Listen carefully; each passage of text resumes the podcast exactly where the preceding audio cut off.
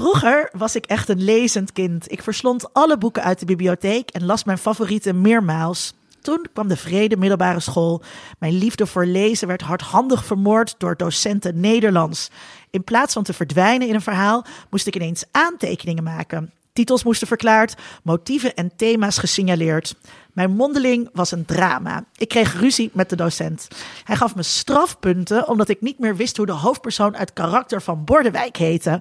Ik had het boek een jaar eerder gelezen en ik kwam er gewoon even niet op. Wat is nou eigenlijk belangrijk, beet ik hem toe. Dat ik een boekverslag kopieer en dat uit mijn hoofd leer? Of dat ik het boek heb gelezen en daar een bepaalde ervaring bij had? Ik kreeg een zeven, een grove belediging voor mezelf, maar ook voor het vak Nederlands. Deze podcast wordt mede mogelijk gemaakt door Code Clear. Duidelijk over websites en design. Vanuit Amsterdam is dit Onder Media Doctoren, de podcast waarin communicatiewetenschappers zich verwonderen over de media. We gaan het hebben over de opleiding Nederlands op school en op de universiteit. En dan uiteraard in relatie tot de media. Want verhalen zoals de mijne hoor je vaker. Bitchen op het vak en op de studie Nederlands is een Nederlandse volkssport. Dat gaan we doen. Of nou ja, niet per se misschien bitchen. Uh, maar we gaan, het, we gaan het wel bespreken met professor Dr. Mark van Oosterdorp, hoogleraar Nederlands en academische communicatie aan de Radboud Universiteit als ik het mag zeggen als, uh, als uh, freelancer voor de Radboud Universiteit, toch wel echt een van de betere universiteiten uh, van dit land. daarnaast ook onderzoeker aan het Meertens Instituut, hoofdredacteur van een van mijn favoriete wetenschapsblogs, Neerlandistiek, en graag geziene gast bij Onder Media Doctoren. Welkom Mark, leuk dat je er weer bent. Um, Mark, is mijn, is mijn verhaal clichématig? Nou ja, clichématig. Het is een verhaal van het is eigenlijk het is een, het is, het is een goed verhaal, want het is helaas is het het verhaal van over het algemeen van de betere scholieren. Dus ik, ik heb zelf eigenlijk ook zo'n soort verhaal. Dus ik had ook altijd ruzie met mijn leraar uh, Nederlands. En dat, ook bij je mondeling? Nou, toevallig niet over, over mijn mondeling. Ja, het, het, het, Oké, ons gesprek gaat nu meteen een andere draai nemen. Maar ik had, in de eindexamenklas had ik de ziekte van Pfeiffer. En... Oh. Uh, uh, daar moet ik zeggen, daar hebben al mijn leraren ook, de docent Nederlands, hebben me daar eigenlijk doorheen gesleept. Dus het was in de tijd van de laatste schoolonderzoeken had ik, had ik dat. En uh, dus toen heb, ja, kon eigenlijk niks leren en toch heb ik dat allemaal zeer goed uh, gehaald. En dat, dat heb ik aan hun te danken. Nee, dus die ruzie, ik moet eerlijk zeggen, ik denk dat ik die, die ruzies, dat had meer te maken met mijn eigen, eigen wijsheid. Dat zit ook wel een beetje in jouw verhaal, maar dat ik, ik wist alles beter, weet je wel. En, uh, het was echt vers, verschrikkelijke leerling moet ik zijn geweest. Een verschrikkelijk kind, ja. ja.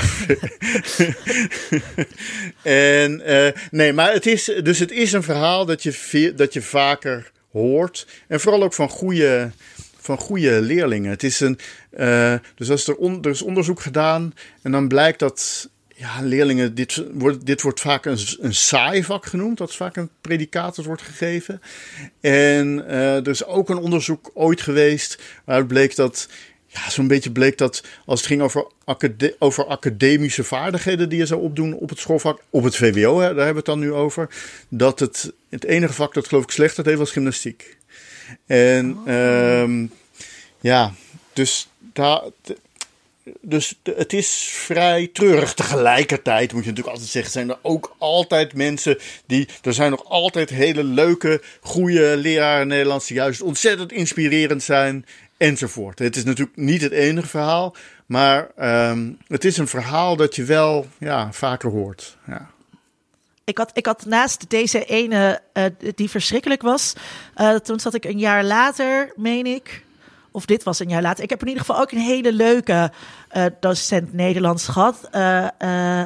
Rozenboom heette die volgens mij. Dus even de groetjes aan hem. Want die, pest ik altijd, maar dat was wel een leuke, inspirerende, inspirerende leraar.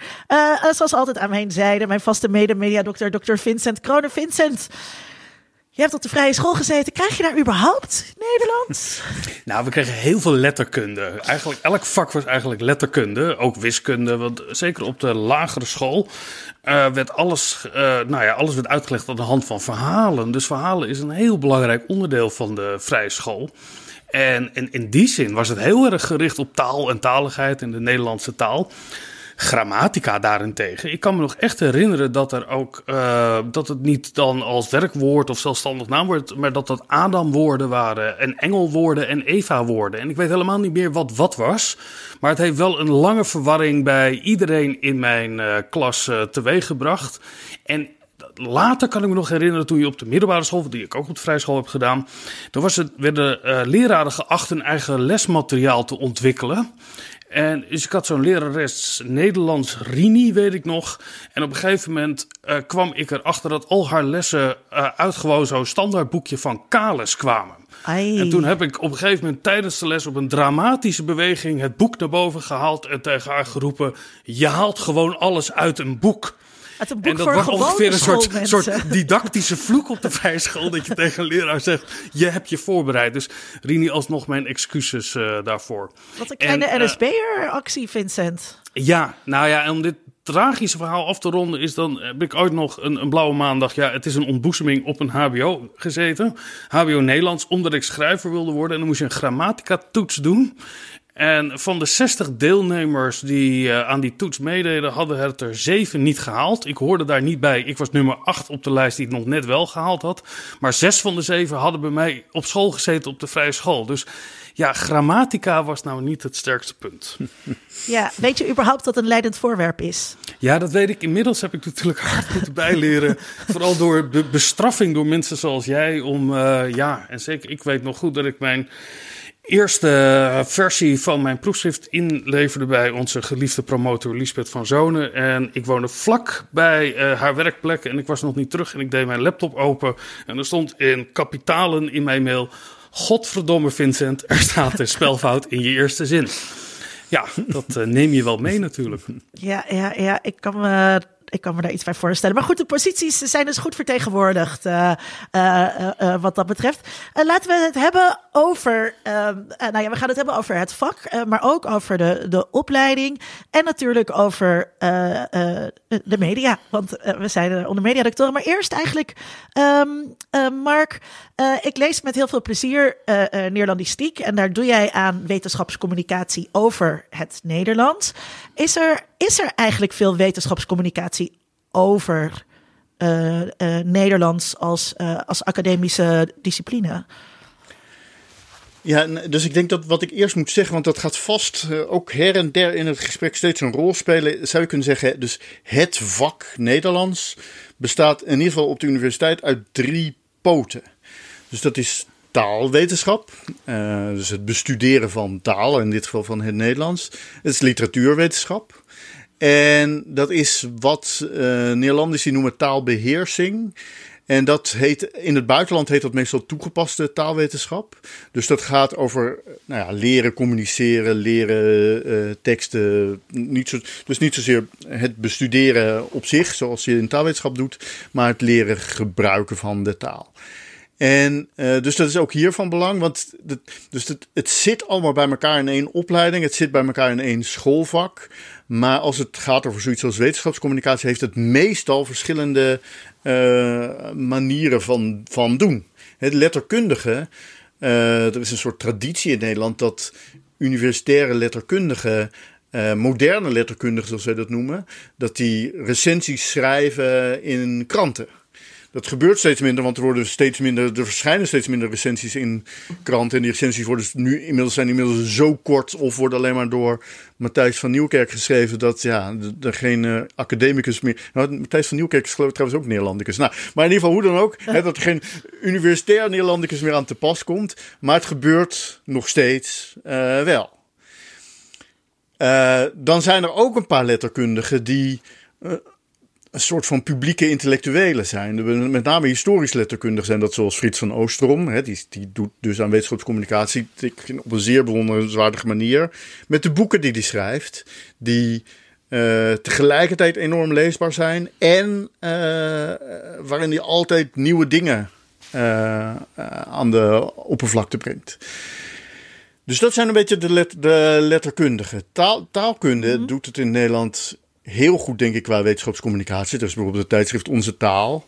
Uh, er zijn allerlei uh, uh, boeken en boekjes van nou, allerlei taalkundigen die meer of minder bekend zijn en meer of minder opleiding hebben. Dus Paulien Cornelis heeft volgens mij een half jaar algemene taalwetenschap gestudeerd. Maar die rekenen we er voor het gemak dan ook bij, weet ja, je wel. Of Wim Daniels heeft geloof ik ook een... Ja. Zij is psycholoog eigenlijk. Wim Daniels heeft volgens mij een leraaropleiding gedaan. Uh, nou, er zijn een paar uh, min of meer bekende Nederlanders, zou je zelfs kunnen zeggen, die, die dus ook schrijven over taal. En die taalbeheersingsmensen, die doen denk ik het minst. En dat komt waarschijnlijk omdat wat zij doen toch al praktisch toepasbaar is. Hè? Dus die hebben hun valorisatie doen zij op een andere manier. Die, die doen dat door betrokken te zijn bij campagnes om de overheid duidelijker te laten schrijven, ambtenaren duidelijker en beter te laten schrijven. En ik denk dat als je zulke zo praktische dingen doet, dan heb je waarschijnlijk ook niet zoveel behoefte, kennelijk meer, om nog uit te leggen hoe dat dan in elkaar zit of waarom je doet wat je doet. Als je, als je al de hele tijd met nut, als je al de hele tijd nuttig bezig bent, hoef je niet de hele tijd nut ja. aan te tonen. Maar ja, dus op Nederlandistiek proberen we al deze mensen al dit allemaal een beetje bij elkaar te brengen. Dat is, dat is een van de weinige plaatsen waar dat gebeurt. En het is ook echt wel moeilijk om, uh, om die taalbeheersers erbij te krijgen. Hoewel ik er zelf in ieder geval formeel in ben. Want zoals je zei, mijn leerstoel heet Nederlands en Academische Communicatie. En dat communicatie wijst natuurlijk op, uh, op die taalbeheersingspoot. Um, maar dat gaat. Dat gaat uh, dus er zijn pleitbezorgers voor het Nederlands. Maar het gaat ook niet altijd specifiek over onderzoek. Ik vind dat zelf altijd in jouw stukjes ook heel leuk. Uh, ik, ik wil gewoon lezen over een studie die iemand gedaan heeft, ook in een ander vakgebied en wat daar dan uitkomt en hoe zich dat een beetje verhoudt tot de rest. Maar dat komt ook omdat ik gewoon een wetenschaps een nerd bent. Ik, ik, vind, ik vind dat soort dingen, dingen heel leuk om te lezen. Maar dat is natuurlijk ook een beetje niche. Een niche. Wat er heel veel is, is geklaag over Nederlands in, in de media. Uh, ik, ik heb een aantal punten. Ik heb even met Vincent gebrainstormd hierover. En, en we kwamen direct tot een aantal um, dingen. Uh, ik wil het er niet heel, heel lang over deze hebben, maar wat moeten we dat natuurlijk noemen? Taalverloedering. Daar klagen mensen ontzettend veel over. Um, uh, uh, ja, dat de taal steeds slechter gebruikt wordt. Dat mensen hij wilt zeggen. En waar komt dat nou toch door? Dat is misschien wel. Dat is toch een van de, van de recente, veel, veel, veel gehoorde klachten. Hoe sta jij uh, daarin, Mark? Um, um, ja, dat, het hangt een beetje van de dag af. Dus er zijn dagen dat ik. Uh, dus op, goede dagen dan. Op goede dagen denk ik. Ah ja, dat is eigenlijk verschrikkelijk interessant dat mensen zich daar zo. Dat er mensen daarover klagen. En dat is, dus, dat is ook altijd, dat is altijd het geval. En het geldt voor alle talen en het geldt voor alle perioden. En wat, dus wat een interessant fenomeen is dat eigenlijk, dat geklaag. Het klagen, ja, dus je neemt een metapositie dan. Precies, ja, ja. Nee, ja, daarom zeg ik, dat zijn de betere dagen. En dat je denkt, ja, hij wil, dus dat hij wil, het is ook nog wel een aardig voorbeeld, want hij wil, ja, zover, dus hoe, hoe ver je ook teruggaat in de, in, de, in de boeken, zal ik maar zeggen, dus tot in de middeleeuwen vind je die vorm gewoon al terug. Maar wat mensen er altijd over zeggen is, dus mensen zeggen er altijd twee dingen over. Dus ze zeggen, oh, het is, wordt nu steeds meer of dat valt me. Dat, dat is, uh, wat is dat voor een verloedering inderdaad? Terwijl het dus iets is wat eigenlijk al heel lang gebeurt. Alleen mensen hebben dan het gevoel, ik, mij valt het voor het eerst op, dus is het iets volkomen nieuws. Hoewel je het eigenlijk al je hele leven hebt gehoord. En wat was nou ook weer het andere? Mm, dat weet ik niet meer. Als je op, op, als je op, slechte, op slechte dagen. Als je oh, wat zo op slechte dagen. Nee. uh, ja, op slechte dagen dan uh, zet ik op Twitter wel een heleboel mensen op mute. Dat, uh, dat... het valt mij op dat uh, we hebben alle drie natuurlijk uitvoerig lesgegeven op de universiteit. En ik weet niet of jullie dit herkennen. En misschien moeten we dit ook helemaal niet vertellen, mochten er studenten luisteren. Maar er is altijd zo'n fase in je begin van je carrière als docent dat je dan voor, geconfronteerd wordt met de taal van je eigen studenten. En dat er een soort klein roddelcircuitje is onder docenten die elkaar korte dingen toesturen van kijk eens wat voor vreselijks ik nu weer heb gelezen. Wat moet ik hiermee aan? Wat staat hier nou eigenlijk? Um, dat roddelen daarover, dat daarover klagen, heeft ook wel weer een functie natuurlijk. Om ja, ja, nee. Dus dat, ons over aan het, te storen. Het, het, hoort, het hoort bij taal, dus bij taal hoort dat de taal de hele tijd verandert. En bij taal hoort ook dat mensen zich daar de hele tijd aan ergeren. Dat, dat, dat zijn twee dingen die horen bij, op de een of andere manier bij de, bij de taal. En dus in die zin is het eh, interessant. Maar het is natuurlijk ook uh, heel. Uh, uh, het is ook een performance uh, die, die, die mensen neerzetten. waarmee ze willen laten zien: kijk eens hoe goed ik de taal beheers. Ja, zeker. En ik, dat zeker. Het is ook een, een, in een proces uh, bij eerstejaarsstudenten of zo om daarop te wijzen, is natuurlijk ook heel prettig. Zeker voor beginnende docenten, dat ze in ieder geval iets hebben waar ze zeker van weten: dit klopt niet. Daar kan ik dan op uh, feedback geven, zoals we dat dan heel lelijk noemen. Dus ja, je, je, het geeft heel veel autoriteit aan docenten. En het, je kan ook studenten ergens op een pad zetten om dat beter te gaan doen. Ik heb ik vraag me af, ik weet niet of jij dat. Ik heb het idee, en nu ga ik klinken als zo'n zo iemand die dat dan heel erg vindt. Maar ik heb het idee dat studenten nu het minder beschamend vinden dan 20 jaar geleden of 15 jaar geleden.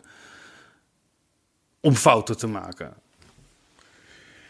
Um, Herken je dat, Mark? Ligt er ook maar net aan die... waar, waar die studenten zitten. Nou ja. bij een opleiding als media en cultuur. Of, ja, maar daar uh, zit Mark niet, dus dat kan je niet aan hem vragen natuurlijk. Nee, oké. Okay, maar in de brede zin dat uh, uh, 19 en 20-jarigen, dat dat in, in, ik, ik vind het nog steeds een punt van diepe schaamte als je daar uh, grove fouten in maakt. Maar wat bedoel je dan met grove fouten? Uh, nou ja, een, een, een DT foutelen, uh, korte en lange ijs door elkaar. Dat soort dingen die je gewoon kan opzoeken. Um, dat je dat inlevert bij je docent. Als, je daarop, als ik daarop gewezen werd als 19 of 20-jarige, en dat is zeker gebeurd. ja, tijdens je proefschrift werd je er nog op gewezen. Door mijn promotor, ja. Met een uitgesproken godverdomme. Um, ja, dan schaamde ik mij. Maar ik heb het idee, als ik nu daar studenten op aanspreek, dat die schaamte er niet is. Maar dat het meegenomen wordt in de rest van de feedback, dat nog even wordt aangepast of waar nog even een spellingchecker overheen moet gaan. Ja, nou ja, dus ik sta eigenlijk aan ik de kant van. kijken. Ja, dus ik, omdat ik volkomen aan de kant sta, denk ik, van die, student, die schaamteloze studenten. Dus deze ontwikkeling is mij niet echt opgevallen, maar als die er is, dan juich ik hem toe, zou ik zeggen. Dus het lijkt me heel goed om je. Want, dus, dus DT-fouten bijvoorbeeld. Hè? Dus jij zegt ja, dat kan je opzoeken. Dat is natuurlijk eigenlijk niet zo. Dus je moet daar een soort redenering. In de eerste plaats moet je daar een soort redenering voor, uh, voor houden. Maar in de tweede plaats, uh, daar uit onderzoek blijkt juist dat iedereen DT-fouten maakt. Iedereen. Uh, en sterker nog, dat, dat er, er is eigenlijk een correlatie tussen hoeveel mensen lezen en hoeveel DT-fouten ze maken. En dat komt omdat je uh, bij het schrijven en bij het lezen heel erg uiteindelijk gericht bent op woordbeeld. En uh, wat er dus gebeurt is dat mensen maken een die DT-fouten ook niet zomaar willekeurig, maar ze maken ze altijd in de richting van de meest frequente vorm. Dus als verstoord, hè, dat zou je met een T of met een D kunnen schrijven, namelijk al derde persoon enkelvoud, hij verstoort, of het is verstoord. Nou, dat tweede komt veel vaker voor. En dus komt de spelfout hij verstoort met een D vaker voor dan het is verstoord met een T. Nou, ik weet niet zeker of, dit, of deze hier de correlatie precies op die manier is. Maar dat, dat, is, dat is het soort bevinding dat je hebt. Dat is dus, dus, dus bovendien, er is ook eigenlijk geen enkele reden waarom het erg is dat iemand een D of een T fout schrijft. Dat is echt, er bestaat gewoon geen argument voor. Het enige argument is ja, dan ergeren mensen zich daaraan. Als ze dat lezen, dan raken ze afgeleid. Maar ja, dat is, ze raken dus afgeleid omdat ze getraind zijn om, zich, om daardoor te worden afgeleid. Dus ik zou zeggen, je moet daar gewoon niet door worden um, afgeleid. Dus het is heel goed en tegelijkertijd, kijk, ik, ik wat ik heb gezien, denk ik, in de afgelopen twintig jaar bij studenten, is uh, dat dus die studenten kunnen sommige dingen met taal die ik 20, 30 jaar geleden zeker niet kon. Bijvoorbeeld een presentatie houden. Dus een mondelinge presentatie houden. Ik, weet, ik denk dat ik dat inmiddels wel een beetje kan. Ik weet ook niet hoe ik het heb geleerd. Maar toen ik 20 was, kon ik dat absoluut niet. Kon ik Ja. echt niks. Ik was, ik- ik- en zij eh, houden vloeiende betogen. Nou, wat is er nou nuttiger? Hè? Dus die dingen die je zogenaamd kan opzoeken, allemaal goed doen. Precies. Om waarom? Om geen enkele reden. Omdat dat moet, omdat we dat vinden. Dus braaf zijn of een goede presentatie houden. Nou ja, dan kom je, kom je dus al meteen bij eh, eigenlijk eh, het gesteggel over de eindtermen op de middelbare school. Of eigenlijk de vraag, ehm, eh, wat... Ja, eh, dit, dit is wat, want de verzuchting van Vincent is natuurlijk een typische eh, verzuchting van een docent aan een, eh, aan een universiteit. Die zegt: Dit hadden die kinderen, dat wil je eigenlijk zeggen ook, Vincent, dat die, dit hadden die kinderen al moeten kunnen. Dit hadden ze moeten leren op de middelbare school. Dit, dit bruggetje maak ik zo. Mensen, vinden van, mensen vinden van alles over die, over die eindtermen. Wat, wat is die discussie, Mark? Ehm, Hoe zien die ik- eindtermen er eigenlijk uit? Jij, jij bent elk jaar eh, ben je bezig met de, met de eindexamens. Je maakt Ja. het eindexamen Ja, ook ja, elk ja. jaar. Ja. Je slaagt meestal, maar niet altijd met goede cijfers. Nee, nou, ik heb, ik, zeg, ik heb zeg maar altijd iets van een 7 of een 8. Dat is, dat is, het is altijd, is altijd wel een beetje hetzelfde. Eh, ik maak het ook niet ieder jaar even serieus. Maar ook als ik het wel, dus ook als ik het wel heel serieus ma haal- maak, dan haal ik niet hoger dan een 8 of zo, of 7,5. Zo, dat, dat zijn zo'n beetje de punten. Maar, dus wat heel belangrijk is, is het gaat niet zozeer over de eindtermen, dat is een beetje een technisch woord. Het gaat over de eindexamens. Maar bij de eindexamens bij Nederlands eh, geldt veel meer dan bij andere vakken dat daar echt dat het centraal eindexamen iets heel anders is dan de schooleindexamens. Bijvoorbeeld wiskunde, daar doe je een aantal schoolexamens. Die gaan allemaal, ieder van de schoolexamens gaat over een deel van de wiskunde. En dan doe je daar het centraal examen en dat gaat over de hele wiskunde. Eh, maar bij Nederlands is dat anders georganiseerd. Eh, want daar moet je een aantal verschillende dingen doen. En daar, moet je ook, daar moeten scholen ook eindexamen in afnemen. Dus bijvoorbeeld literatuur. Hè, dus eh, een aantal boeken die je moet hebben gelezen. In ieder geval op het VWO en op de HAVO. En, en iets over literatuurgeschiedenis. En dan zijn er vooral de vier vaardigheden: lezen, eh, eh, schrijven, spreken en luisteren. En die moeten allemaal worden getoetst. Maar het enige wat er centraal wordt getoetst is schrijven. En ik een heel groot deel van de discussie gaat eigenlijk daarover. Dus, oh, sorry, het gaat over lezen. Dat is dus het, lees, het leesexamen. Dus het eindexamen gaat over lezen. En het gaat dus over, ja, het probleem daarbij is, het gaat over een vorm van lezen die nergens iets mee te maken heeft. Die totaal los staat van welke realiteit dan ook. Dus je leest een aantal opiniestukken over het algemeen. Dus uit de Volkskrant of uit de Groene of zo'n beetje dat niveau. Ik heb, ik, Ook heb, weer. ik, ben, ik heb wel eens in een proefexamen gezeten. Dan krijg je Kijk. achteraf krijg je een brief. En dan krijg je ook nog geld voor. Maar dat is de grootste eer. Dat, dat dan die arme kinders moeten worstelen op, op de verbindenissen. Duits? Ja, op de verbindenissen die ik al dan niet tussen alinea's heb aangelegd. Ja, of die de examenmakers in de aangepaste versie van jouw tekst eh, hebben aangebracht. Eh, dat Ja, dat geldt dat dus ook nog. eens een keer. Maar dat, dus daar zit, ik vind daar op zichzelf zit daar gewoon. Dus er zit- bij dat centraal eindexamen, daar stapelen de problemen zich op. Maar een he- heel klein simpel probleempje is al de vraag: vinden wij nou eigenlijk dat iedereen, alle Nederlandse burgers, met name HAVO en VWO-scholieren, die moeten dus allemaal dat eindexamen doen. Het is het eindexamen dat we moeten doen. En het toegangsbewijs tot de Nederlandse samenleving is het begrijpen van een opiniestuk in de, de Volkskrant. Is dat, nou, is dat nou het hoogst denkbare? Is dat nou wat we willen dat mensen eh, kunnen? Hè? Een, een opiniestuk. Wat, wat, waarom? Nou, oké. Maar dan vervolgens. ehm, ja, l- moet dat dus, het moet een centraal eindexamen zijn, het moet kunnen worden nagekeken. En dus moet er worden gewerkt met dingen die meetbaar zijn, die objectief zijn enzovoort. Die moeten gaan over die inhoud, maar het moet de schijn hebben van objectiviteit.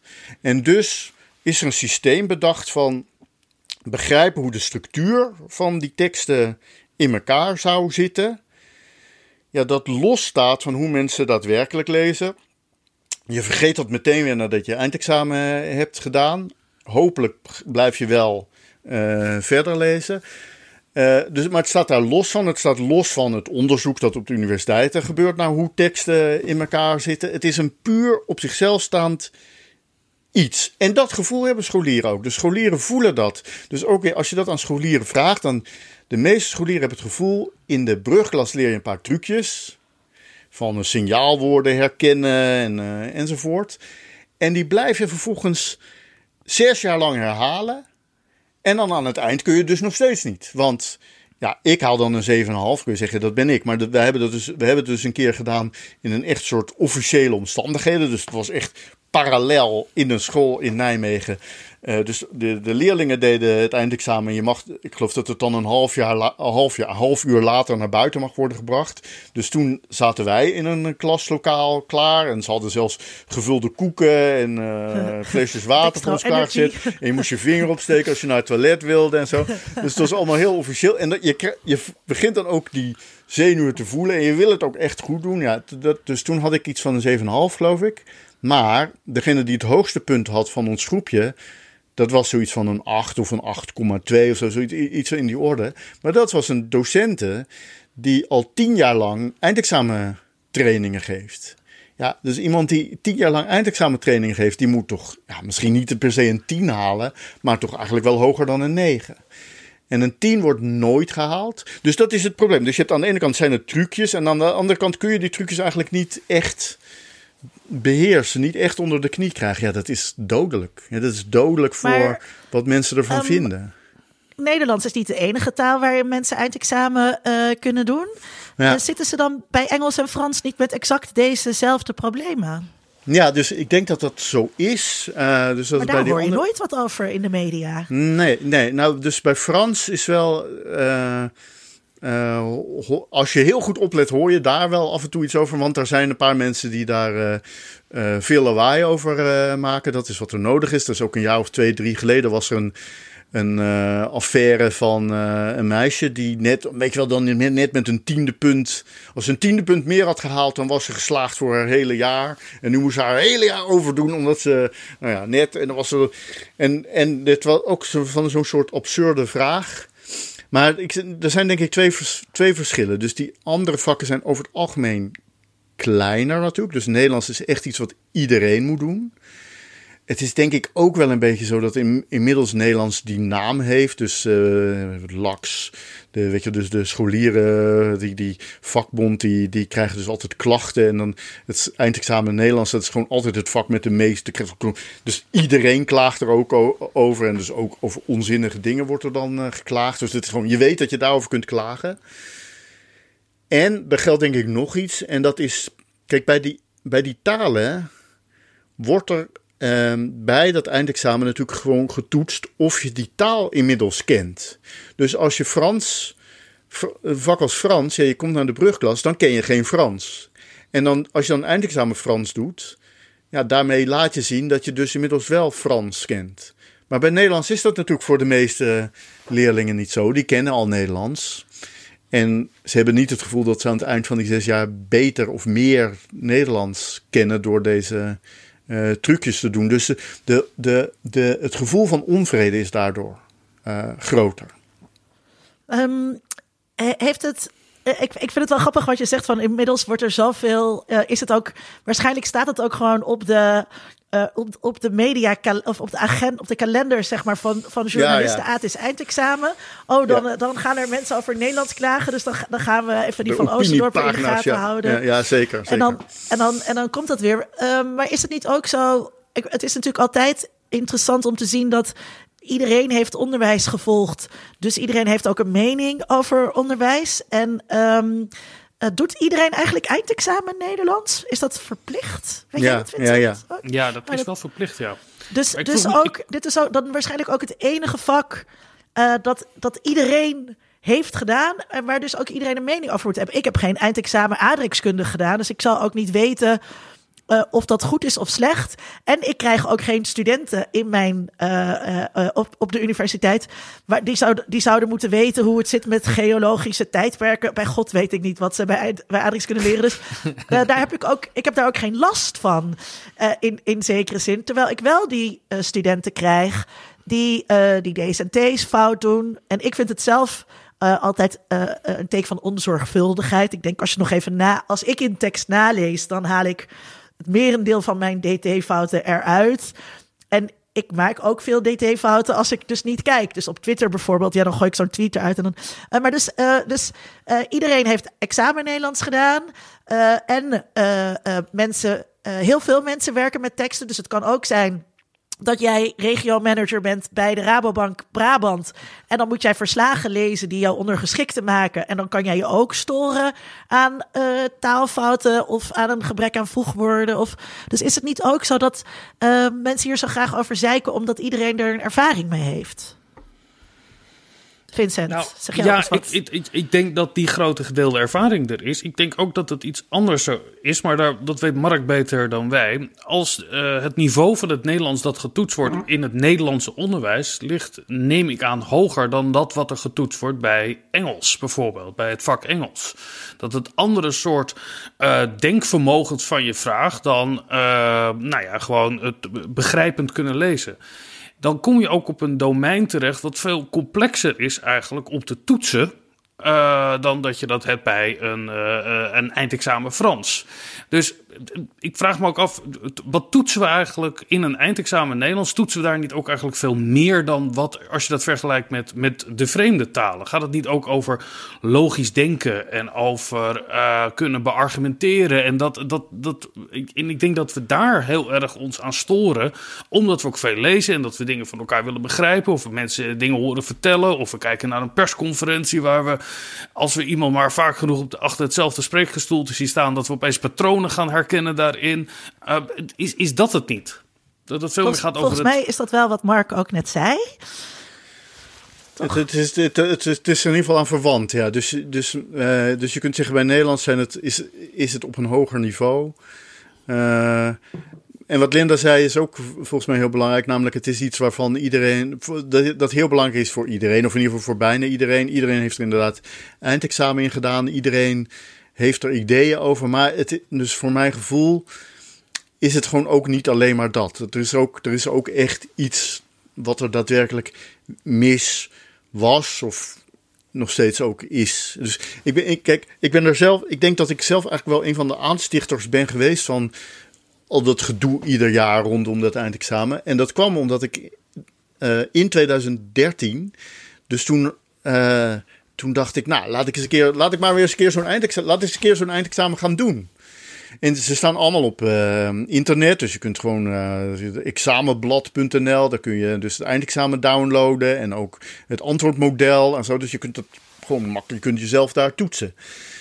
Dus ik, ik deed dat en ja, ik schrok me echt wezenloos. En eh, dus toen ben ik erover gaan schrijven. En toen meteen begon het, dat explodeerde meteen. Want dus ik, heb daar toen een stuk in, in de NRC over geschreven.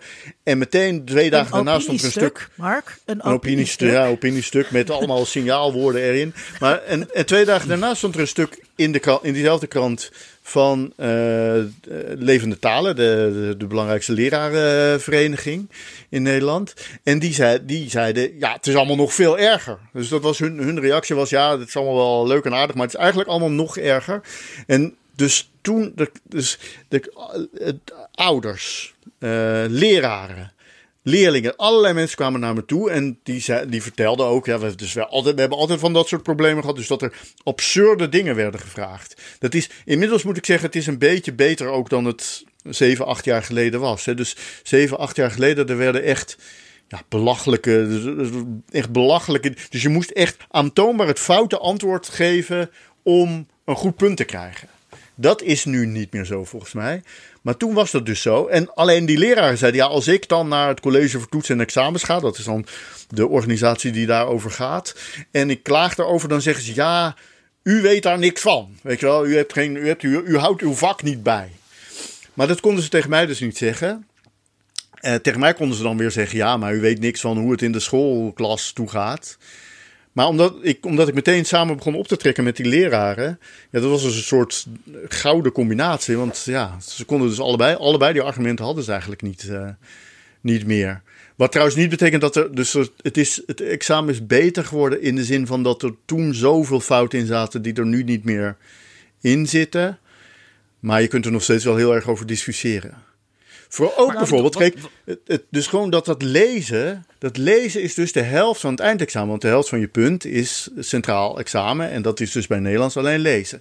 En die andere vaardigheden, spreken, luisteren en vooral ook schrijven, super belangrijk. Dit is dus allemaal samen, eh, samen ook nog met literatuur. En scholen hebben ook nog een soort vrije ruimte. Dus die mogen er bijvoorbeeld ook nog een beetje taalwetenschap in doen. Of andere dingen in doen. Nou, dat, dat is allemaal samengekropt. En bovendien geldt dan ook nog een keer dat eindexamen als heel erg belangrijk en maatgevend. Dus daar richten scholen eigenlijk nog meer dan 50% van hun uh, aandacht op. Ja, op de, en, en het result, eindresultaat is dat we dus het heel slecht doen in allerlei internationaal onderzoek. Uh, waar het gaat over leesvaardigheid. ja. Heb je ook een idee gekregen waarom het zo slecht was? Het is nu misschien iets beter. Zijn dat gewoon uh, nou ja, niet capabele mensen die de examens maken? Of zijn er eisen die er gesteld worden van buitenaf? Wat, wat verklaart het? Uh, Nee, ik denk dat het wel capabele mensen zijn. Ik, dus mijn indruk is dat het vooral gaat over. Het gaat eigenlijk over twee. Ja, nee, het gaat over. Het belangrijkste soort tunnelvisie, kokervisie. Hè, dus uh, uh, het is een soort bepaalde club. En zo'n eindexamen moet verschrikkelijk geheim uh, blijven tot het laatste moment. Nou ja, Linda die krijgt pas als ze, zelfs als ze van een proef de auteurs krijgen pas achteraf dat te horen. Dus ook de auteurs weten niet dat hun stukken worden gebruikt. Dat is een heel interessante uitzondering op het auteursrecht. dus het wordt uh, honderdduizenden exemplaren gedrukt zonder dat de auteur dat weet. Nou, het moet dus allemaal heel geheim blijven. En dus is het een klein clubje die dat onderling over en weer uh, beslist. En daarbij was het in ieder geval lange tijd heel erg in de handen van mensen die verschrikkelijk empiristisch denken over dit soort dingen. Dus het belangrijkste criterium voor zo'n eindexamen is uh, uh, betrouwbaarheid. Waarbij betrouwbaarheid betekent dat als je het eindexamen dit jaar met een 7,8 haalt, dat je dat het eindexamen van twee jaar geleden, dat je daar ook tussen 7,6 en een 8 voor moet hebben gehaald. Dat is het belangrijkste. Dat, hebben, dat hebben die mensen zelfs expliciet tegen mij gezegd. Ze zeiden, ja, u zit wel te zeuren over de inhoud, maar weet u wel hoe, hoe moeilijk het is om al zo'n betrouwbaar examen te maken? Ja, ja. Nee, dat, dus dat is helemaal daarop. Helemaal maar betrouwbaarheid gaat dan ook over rechtvaardigheid. Dus dat dus de leerlingen van dat jaar eenzelfde zwaarte krijgen als toets, dat, dat, dat weegt zwaarder dan. Ja, uh, dus dat alle leerlingen, dus leerlingen, dat het niet uitmaakt op welke school je zit, in welk deel van het land je zit, in welk jaar je precies eindexamen doet, al die dingen. Dat is natuurlijk op een bepaalde manier belangrijk. Uh, dat, valt niet te, dat valt niet te ontkennen. Maar het is een beetje wonderlijk om dat nu het enige, bijna het enige uh, criterium te maken. Ja. Um, dat, is, uh, dat, is, dat is op de, uh, op de middelbare school. Um, dan gaan mensen naar de universiteit. En dan hoeven ze eigenlijk nooit meer Nederlands te spreken. Want je kunt alle opleidingen uh, tegenwoordig in het Engels uh, uh, volgen. en dat, is, dat is natuurlijk een godspe. Mensen leren hun moederstaal niet meer. nee, ik zit, ik zit te overdrijven. ik, vind het, ik vind het zelf altijd een hele lastige. Uh, we, gaan, we gaan naar het puntje uh, internationalisering uh, en misschien ook wel de klachten over Danglish, die, daar, die daar altijd een beetje bij horen. Um, ik, heb, ik heb zelf een keer, wel een keer een column geschreven over um, wat, ik, wat ik jammer vind aan als alles in het Engels is, dat het het lastig maakt om les te geven over de Nederlandse cultuur. Dus als ik um, voorbeelden wil gebruiken uh, in mijn vakken in het Engels, dan, dan moet ik filmpjes ook hebben die Engels ondertiteld zijn of in het Engels beschikbaar zijn. En dan kom je dus al heel snel bij de Anglo-Saxische wereld voor voorbeelden, in plaats van uit die Nederlandse mediacultuur. Um, ik vind dat, dat vind ik zelf, maar dat gaat dus niet over de taal uh, in Nederland. Dat vind ik zelf het grootste uh, bezwaar en een reden waarom studenten ook in het Nederlands les of in het Nederlands hun vakken zouden moeten kunnen volgen. Vincent, hoe sta jij in deze discussie voordat we Mark hier naar vragen? Ja, ik, ik, ik, ik, ik, ik ja, ik moet hier een bekentenis doen natuurlijk ook. Dat ik uh, ooit een aantal jaren geleden uh, als onderwijsdirecteur bedacht had... laten we een Engelstalige track beginnen in de Bachelor Media en Cultuur. Dat bachelor. Goed. De Bachelor. Nou ja, daar beginnen we al natuurlijk. En... Uh, ook wel heel naïef daarin geweest door te denken van... nou ja, we huren... Een, we hebben een budget voor een vertaalbureau... als die docenten daar hun uh, hun cursushandleiding ertoe sturen, dan kunnen we dat vertalen. En dan gaan we gewoon, de voertaal wordt gewoon Engels. Maar inderdaad, die, dat we toch eh, tegen een aantal dingen zijn aangelopen daarin die ik van tevoren niet goed had doordacht. En een van de dingen is niet alleen maar de voorbeelden die je als docent kan geven, maar ook dat je als je meer historisch onderzoek doet, ja, dat heel veel archieven die wij in Nederland hebben, uiteraard Nederlandstalig zijn. Als, je, onder, als je een, iets uit een archief wil kunnen contextualiseren, dat het gewoon heel erg moeilijk is als jij een student bent uit een Aziatisch land.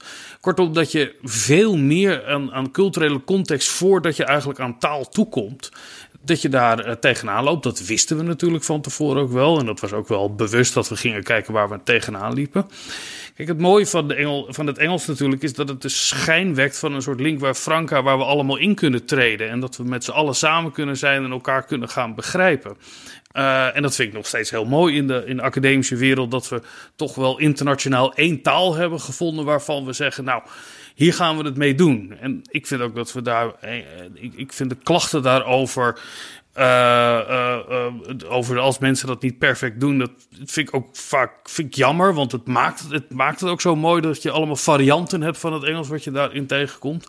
Maar in het de druk in het universitair onderwijs voor Engelstalig of internationalisering wordt vaak verkocht in de marketing als een vorm van: goh, laten we, uh, uh, laten we alle bij elkaar komen en, en, en met elkaar gaan praten. Maar het had natuurlijk, of heeft ook gewoon een heel belangrijk financieel uh, argument. je trekt opeens de markt waar jij je studenten uit moet halen, wordt heel veel groter op het moment dat je dat in het Engels gaat aanbieden. En maar dat, is, dat zijn, dat zijn de klachten die, die erover denk ik, zijn in de media, toch? Het, uh, het, gaat over dan uh, dit, dat Engels wordt, wordt ingezet als. of internationalisering is een verdienmodel. En dan is vaak de klacht: ofwel het Engels van docenten is niet goed genoeg om dat te ondersteunen, ofwel het Engels van studenten is niet goed genoeg om dat te vergoeilijken. maar er is ook de klacht. Um, een, een, beetje meer soort patriotistische klacht. Je zou het onderwijs in je moerstaal moeten kunnen voeren. Klopt, vat ik het zo goed samen? De ja, er zit wel een soort... in de media. Want ik wil een beetje bij de media blijven. Ja, nee, het, het, idee in de discussie gaat ook over verdringing. En er is volgens mij wat daar aan. aan, aan kijk, maar niet de discussie, Vincent, maar de, wat, wat, wat, nee, wat, wat er in de media interessant wordt... vinden om over te schrijven. Ja. ja, wat er in de media over wordt geschreven, kan je ook herleiden, denk ik, tot aan de ene kant een soort standpunt, wat een soort cosmopolitisch idee is. We zijn toch allemaal wereldburgers en dat moeten we allemaal ook in Nederland kunnen doen. Dus uh, plaats dat een beetje in een soort liberaal, maar dan een wat uh, progressief liberaler idee. En aan de andere kant heb je toch ook, uh, zie je dat er wat meer conservatief nationale waarden.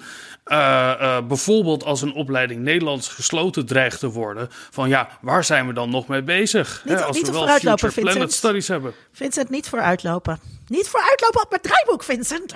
Oh, ja, ik heb jouw draaiboek niet bij me. Altijd. Mark. Mark, uh, we, we zeiden duizend miljard uh, uh, dingen. Die internationaliseringsdiscussie, hoe kijk je daar tegenaan? Ja, dus um, kijk, dus ik denk in de eerste plaats, kijk, opleidingen zoals Nederlands, maar ook ja, mediastudies. De, dus het soort dingen die wij bestuderen, daar zit, daar zit een soort extra complicatie bij, omdat, wij Neder, omdat we Nederlands Nederland bestuderen. Dus daar krijg je die complicatie van de cultureel ja, dat je eigenlijk de cultuur moet begrijpen. En als je dat toch al moet begrijpen, waarom zou, dan begrijp je waarschijnlijk de taal ook wel. Dus waarom zou je het dan nog in het, uh, in het Engels doen? Dus het is denk ik eigenlijk makkelijker om even te kijken naar simpeler gevallen. Dus echte beta-studies, beta waar dat, dat natuurlijk niet speelt. Dus uh, sterker nog, je kunt zeggen als je een natuurkunde of zo, theoretische natuurkunde studeert. Ja, dat, daar zijn eigenlijk heel veel argumenten voor om dat in het, in het Engels uh, te doen. Alle boeken, alles wat erover geschreven is in het Engels. Uh, het, is helemaal puur internationaal vakgebied. dus er zijn heel veel argumenten om dat in het Engels te doen. Um, ik denk dat het ook, ik zou ook zeggen, waarom niet? Er is wel, ik denk, het belangrijkste argument dat er naar voren wordt gebracht in de media tegen Engelstalige tegen studies, wat mij betreft, is dat de meeste mensen die Nederlandse universiteiten opleiden, uiteindelijk in Nederland gaan werken. En dat op de meeste plaatsen in Nederland het Nederlands de belangrijkste taal is. En dat van die mensen die dus dan academisch gevormd zijn, gevraagd wordt dat ze zich op een academisch niveau kunnen uitdrukken. En dat ze dat dan heel vaak in het Nederlands moeten doen. En dat het dan dus eigenlijk een beetje vreemd is dat je een opleiding hebt gedaan die helemaal in het Engels is. En uh, ja, waardoor je misschien moeite hebt om bepaalde dingen zelfs in het Nederlands uit te leggen waar je mee bezig bent. Terwijl dat wel nuttig is. Dus als ik ergens voor ben, is uh, ervoor te zorgen dat studenten. Uh, eigenlijk voor, voor, voor zoveel mogelijk alle vaardigheden hebben in allebei de talen. Dat is ook mijn hele standpunt in de hele discussie over het Engels. Is eigenlijk dat ik denk, ja, we gaan. Er zijn allerlei voordelen aan het Engels. Uh, het Engels verbindt ons met de hele wereld. Um, nou, dit, zijn enorme voordelen aan het Engels. Maar er is ook geen enkele reden om te denken dat we niet twee talen zouden kunnen hebben in onze samenleving. Dus laten we daar naar streven en laten we erover nadenken hoe we, hoe we dan die twee talen met elkaar in evenwicht zouden kunnen uh, brengen. Dat lijkt me eigenlijk een zinniger discussie dan strijden tegen het Engels. Wel, als de strijd is van Nederlands tegen het Engels, dat verliest het Nederlands uiteindelijk. Want het Engels heeft veel meer functies, veel meer mogelijkheden. Dus als het of Nederlands of Engels is, dan wordt het uiteindelijk Engels. Dat, dat kan eigenlijk niet anders. Uh, dus ja, een soort purisme, dat heeft geen enkele zin. Maar helemaal zomaar overschakelen op het Engels, in bepaalde gebieden betekent als universiteit met je rug naar de samenleving uh, gaan staan. En dus mensen opleiden die ook niet goed in die samenleving passen. Dus dat lijkt me ook niet uh, wenselijk. Dus ja, er moet een soort balans komen. En dat, ik, dat lijkt mij een heel redelijk standpunt. En eigenlijk hoor je dat maar zelden uh, naar voren brengen. Het is, de, de, discussie is wat mij betreft een beetje karikaturaal vaak. Het is een beetje... ja, het wordt ik, ik denk nog dus door... hier... Nee, Ja? zeg... Ik, ik denk wat hier dus ook wel eh, speelt, wa- want ik. ehm, eh, ook, als je nog nooit op een universiteit bent geweest, kan je hier een best wel goede mening over hebben. En kan je hier best wel goed over meepraten. Eh, over, of ook al, ook al zou je kunnen zeggen, hè, het, het, het is beter als je wel eens een universiteit van binnen hebt gezien. En als je weet waar, waar tegen dingen aanlopen. Maar Geert Wilders heeft hier ook heel duidelijke ideeën eh, over. En het is in die zin ook terecht dat hij daar ideeën over heeft. Want wat je zegt, de universiteit leidt niet alleen maar op tot wetenschapper. Maar het merendeel van de mensen eh, wordt er weer terug, eh, terug de vijver ingegooid die de maatschappij ehm, eh, heet. En ik denk dat dat, eh, wat ik ook net zei, dus het maakt bij uitstek. eh, discussies over taal zijn voor. Daar kan iedereen zo lekker aan meedoen. Eh, in die zin zijn dat best wel een soort gelijkmakers. Snap je wat ik bedoel? Ja. Ja, je ouders hoeven niet er gestudeerd te hebben om, om, om, hier, om hier iets over te kunnen vinden. Maar ik denk dat heel veel mensen het Nederlands aan het hart gaat. Dat, we zeiden het eerder al over die eindexamens. En ook dit, op het moment dat iets wat heel dicht bij je ligt... opeens eh, terzijde wordt geschoven of bedreigd zou worden... of dat de taal die jij spreekt ineens niet meer de dominante taal zou zijn... op een instituut in jouw samenleving. Ja, dat voelt als iets als je... dat wordt alweer iets van je afgenomen. Dat, ik denk dat het ook heel erg in dat soort termen gaat.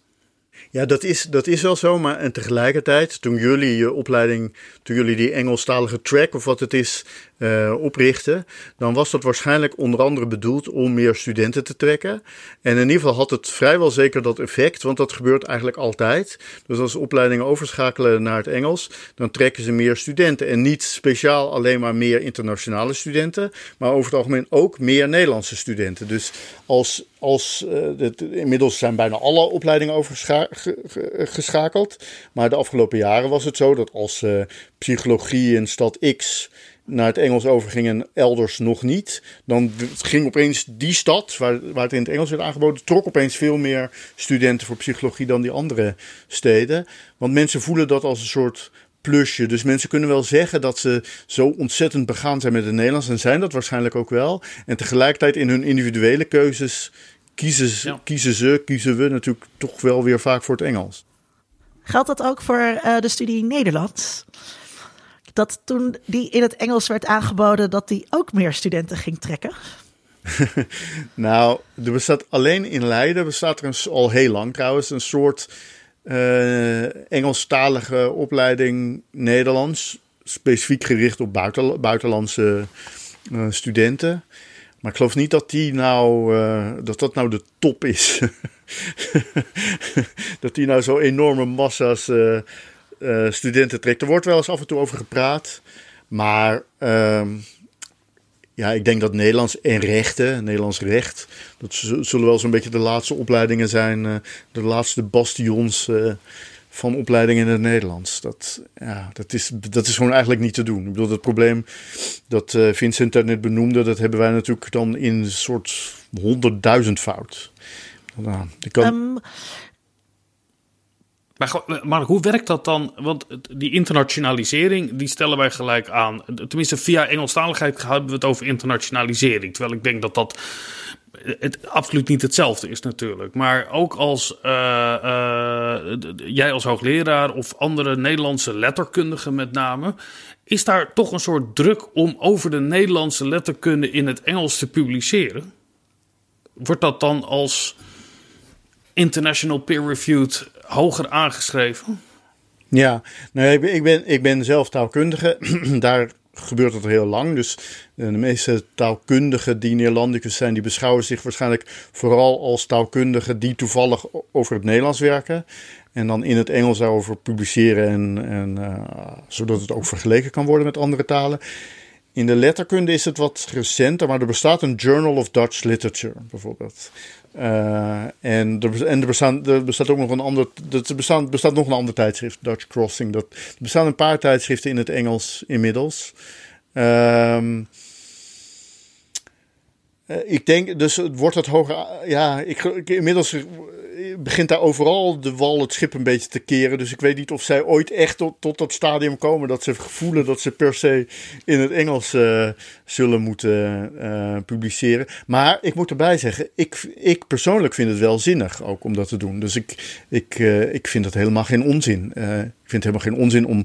En het hangt een beetje. Dus mensen die de middeleeuwen bestuderen, daar is ook al een hele lange traditie. Het is een soort hele lange internationale traditie. En volkomen terecht. Want Nederlands, dat hebben we helemaal nog niet benoemd. Maar dit is natuurlijk eigenlijk ook een soort absurd begrip. Waar, waar, een studie Nederlands, wat is dat? Dat is een soort 19e eeuwse begrip. Hè? Wat, wat, wat is dat voor een afbakening? Dus een afbakening met een soort bepaald domein. Dus ja, dus uh, nou, Nederland dan wel en Vlaanderen mag dan ook nog meedoen, maar Duitsland niet. Ook al spreken ze daar toch eigenlijk wel op een manier die wij ook wel zouden kunnen verstaan en zo. En zijn er ook in de literatuur allemaal uh, invloeden over en weer. Maar in de middeleeuwen was dat natuurlijk nog veel sterker. En die medievisten, zoals ze zichzelf noemen, die hebben ook die conclusie getrokken. Dus die, ja, die, eh, bovendien, er werd dan hier ook in het Latijn uh, geschreven. Hè, en in, in Vlaanderen werd ook in het Frans geschreven. Dus dat, die, die, dus voorkomen. Uh, vanuit wetenschappelijk oogpunt in ieder geval zijn het voorkomen bizarre grenzen die je trekt. Door te hebben over Nederlandse taal en letterkunde. Het heeft vooral pedago het heeft wel zin, denk ik. Maar het heeft niet, het heeft niet, echt, het heeft niet echt wetenschappelijke betekenis. Um, uh, is het, uh, er, er, werden wat alarmbellen uh, gerinkeld over een teruglopend aantal studenten Nederlands. Um, het past denk ik heel duidelijk in, het, in hetzelfde rijtje, toch? Je, je, ziet dan de, dezelfde zorgen weer terugkomen. Wat Vincent net zei, een gevoel van eigenaarschap.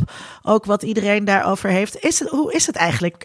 hoe, staat, hoe staat het ermee? Is het ook echt zo erg? Um, ja, dus het, het, gaat niet goed. Uh, In die zin dat uh, toen ik uh, heel lang geleden Nederlands ging studeren in Leiden, toen waren we geloof ik met 120 eerstejaars en dat halen nu alle opleidingen samen niet. sterker nog, nou ja, nou, het is niet de helft. Nou, het zal, zullen er nu landelijk zo'n beetje 100 zijn, denk ik, of zo. en dat zijn er gewoon ook veel te weinig. Dus dat is, het zijn ook ik zal maar zeggen, voor de samenleving te weinig. Bijvoorbeeld puur als je kijkt naar het onderwijs. Hè. Dus als we, we zeggen we willen veel uh, hooggekwalificeerde universitair gevormde leraren hebben. Ja, dus als alle studenten van nu, als die allemaal leraar zouden worden, dan zou het nog niet genoeg zijn. En een heleboel worden helemaal geen leraar. Dus die worden andere dingen. Dus er ontstaat hierdoor staat al gewoon een soort probleem dat terugslaat.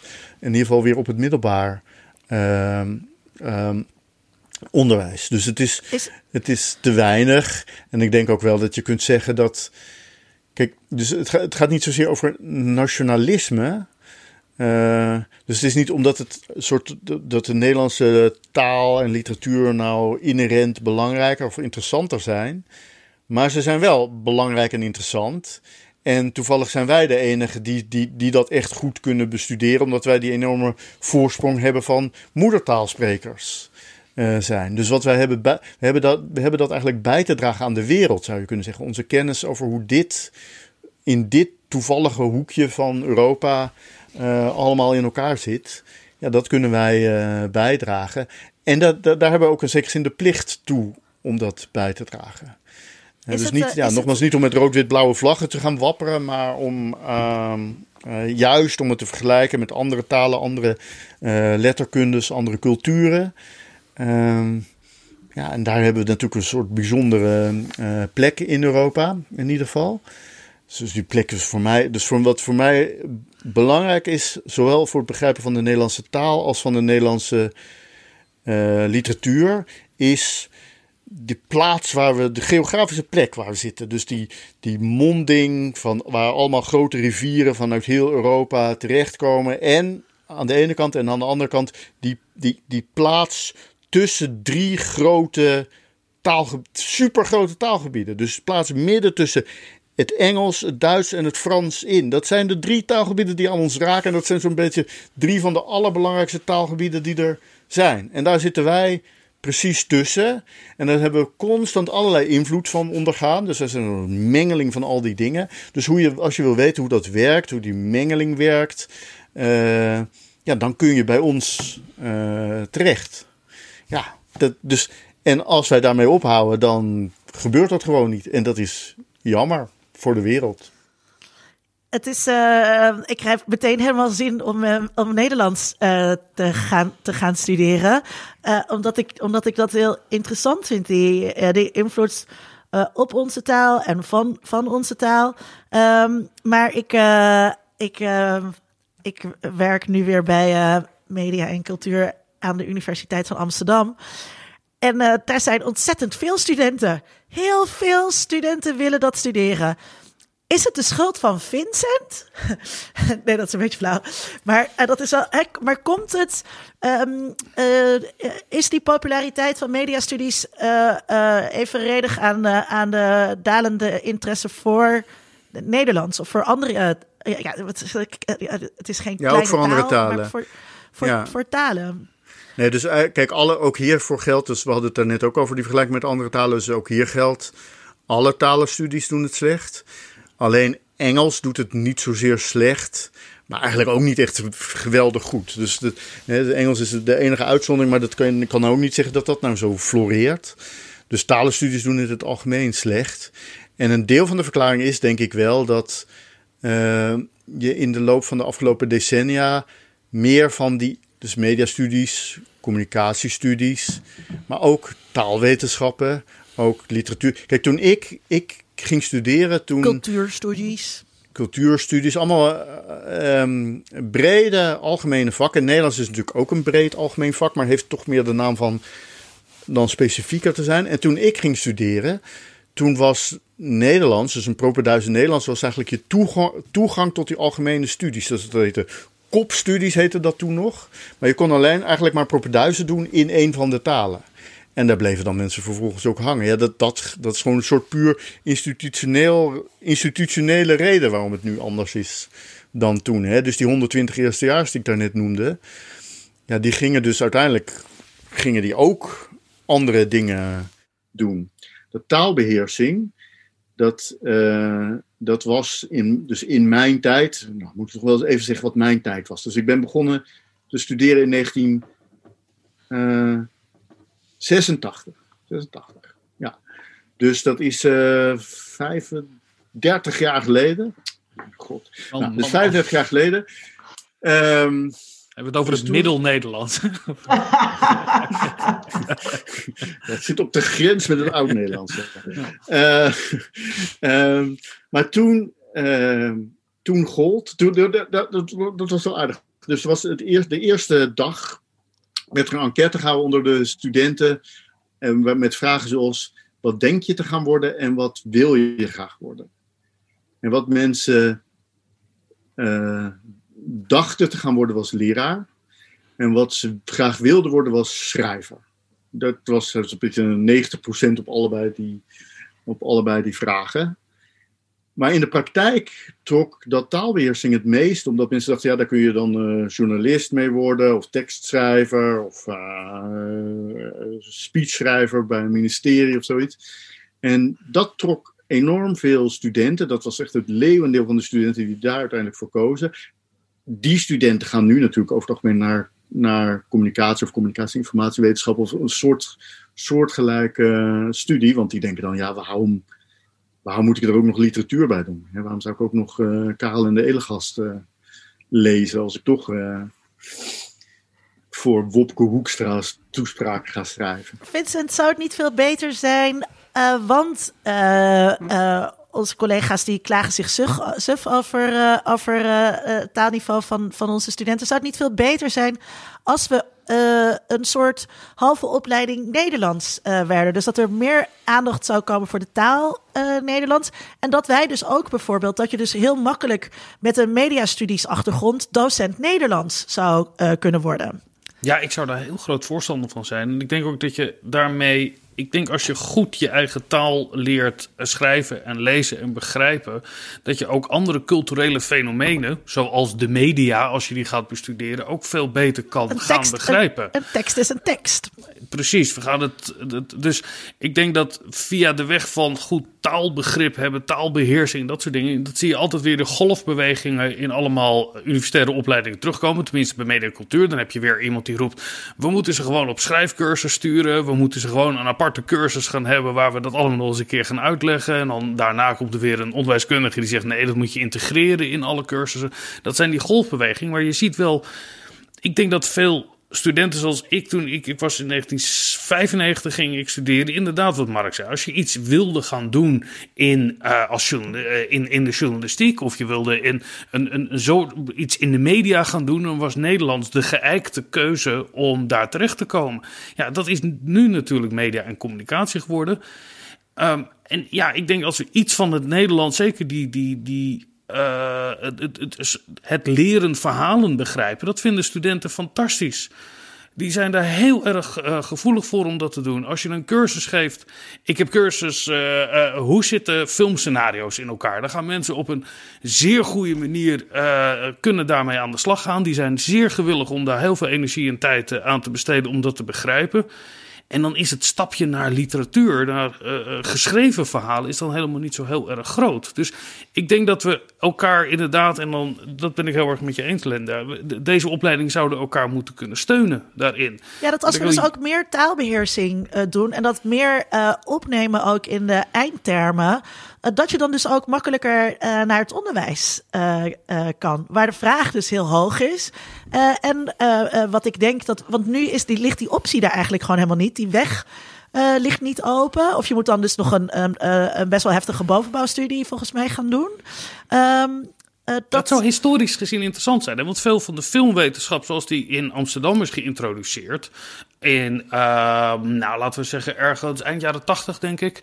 Uh, dat is voortgekomen uit dat er speciale cursussen bij Nederlands of bij literatuurwetenschappen werden aangeboden, waarin gekeken werd naar film. Dus filmwetenschap is ontstaan vanuit die letterkunde.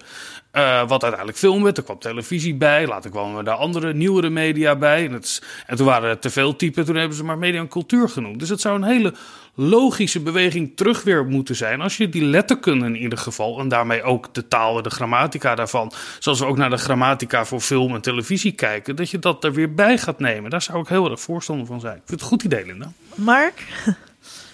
Ja, nee, dus ik heb er net al gezegd, dus die, die, je kunt, als je, als je er een beetje over nadenkt, dan zou je kunnen zeggen: Nederlandse taal en cultuur, dat is zo'n wonderlijke uitsnede uit de werkelijkheid. Om te zeggen, dat is nu het vakgebied, is natuurlijk heel raar. En dat, en dat geldt natuurlijk uiteindelijk voor iedere doorsnede uit de werkelijkheid. Dus dat geldt voor mediastudies net zo goed. Ik bedoel, zo media's. Waar, nou, er zijn natuurlijk allerlei dingen die dan op de grens zich bevinden. Dus.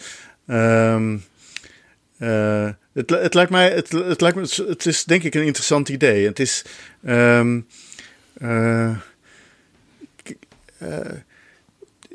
er zijn waarschijnlijk te veel studenten. Ik denk dat er te veel studenten mediastudies zijn in zekere zin. Omdat, we, hebben, we hebben hier wel eens een aflevering over gemaakt. Over, zijn, zijn het, het zijn er heel het veel. Overschot. Zijn het, zijn het er niet te veel? En um, uh, dat, dat, is, dat is natuurlijk lastig, want die studenten die komen overal uh, uh, terecht. Um, uh, en, en alles is media of zo. Maar uh, er kunnen er zeker wel een aantal.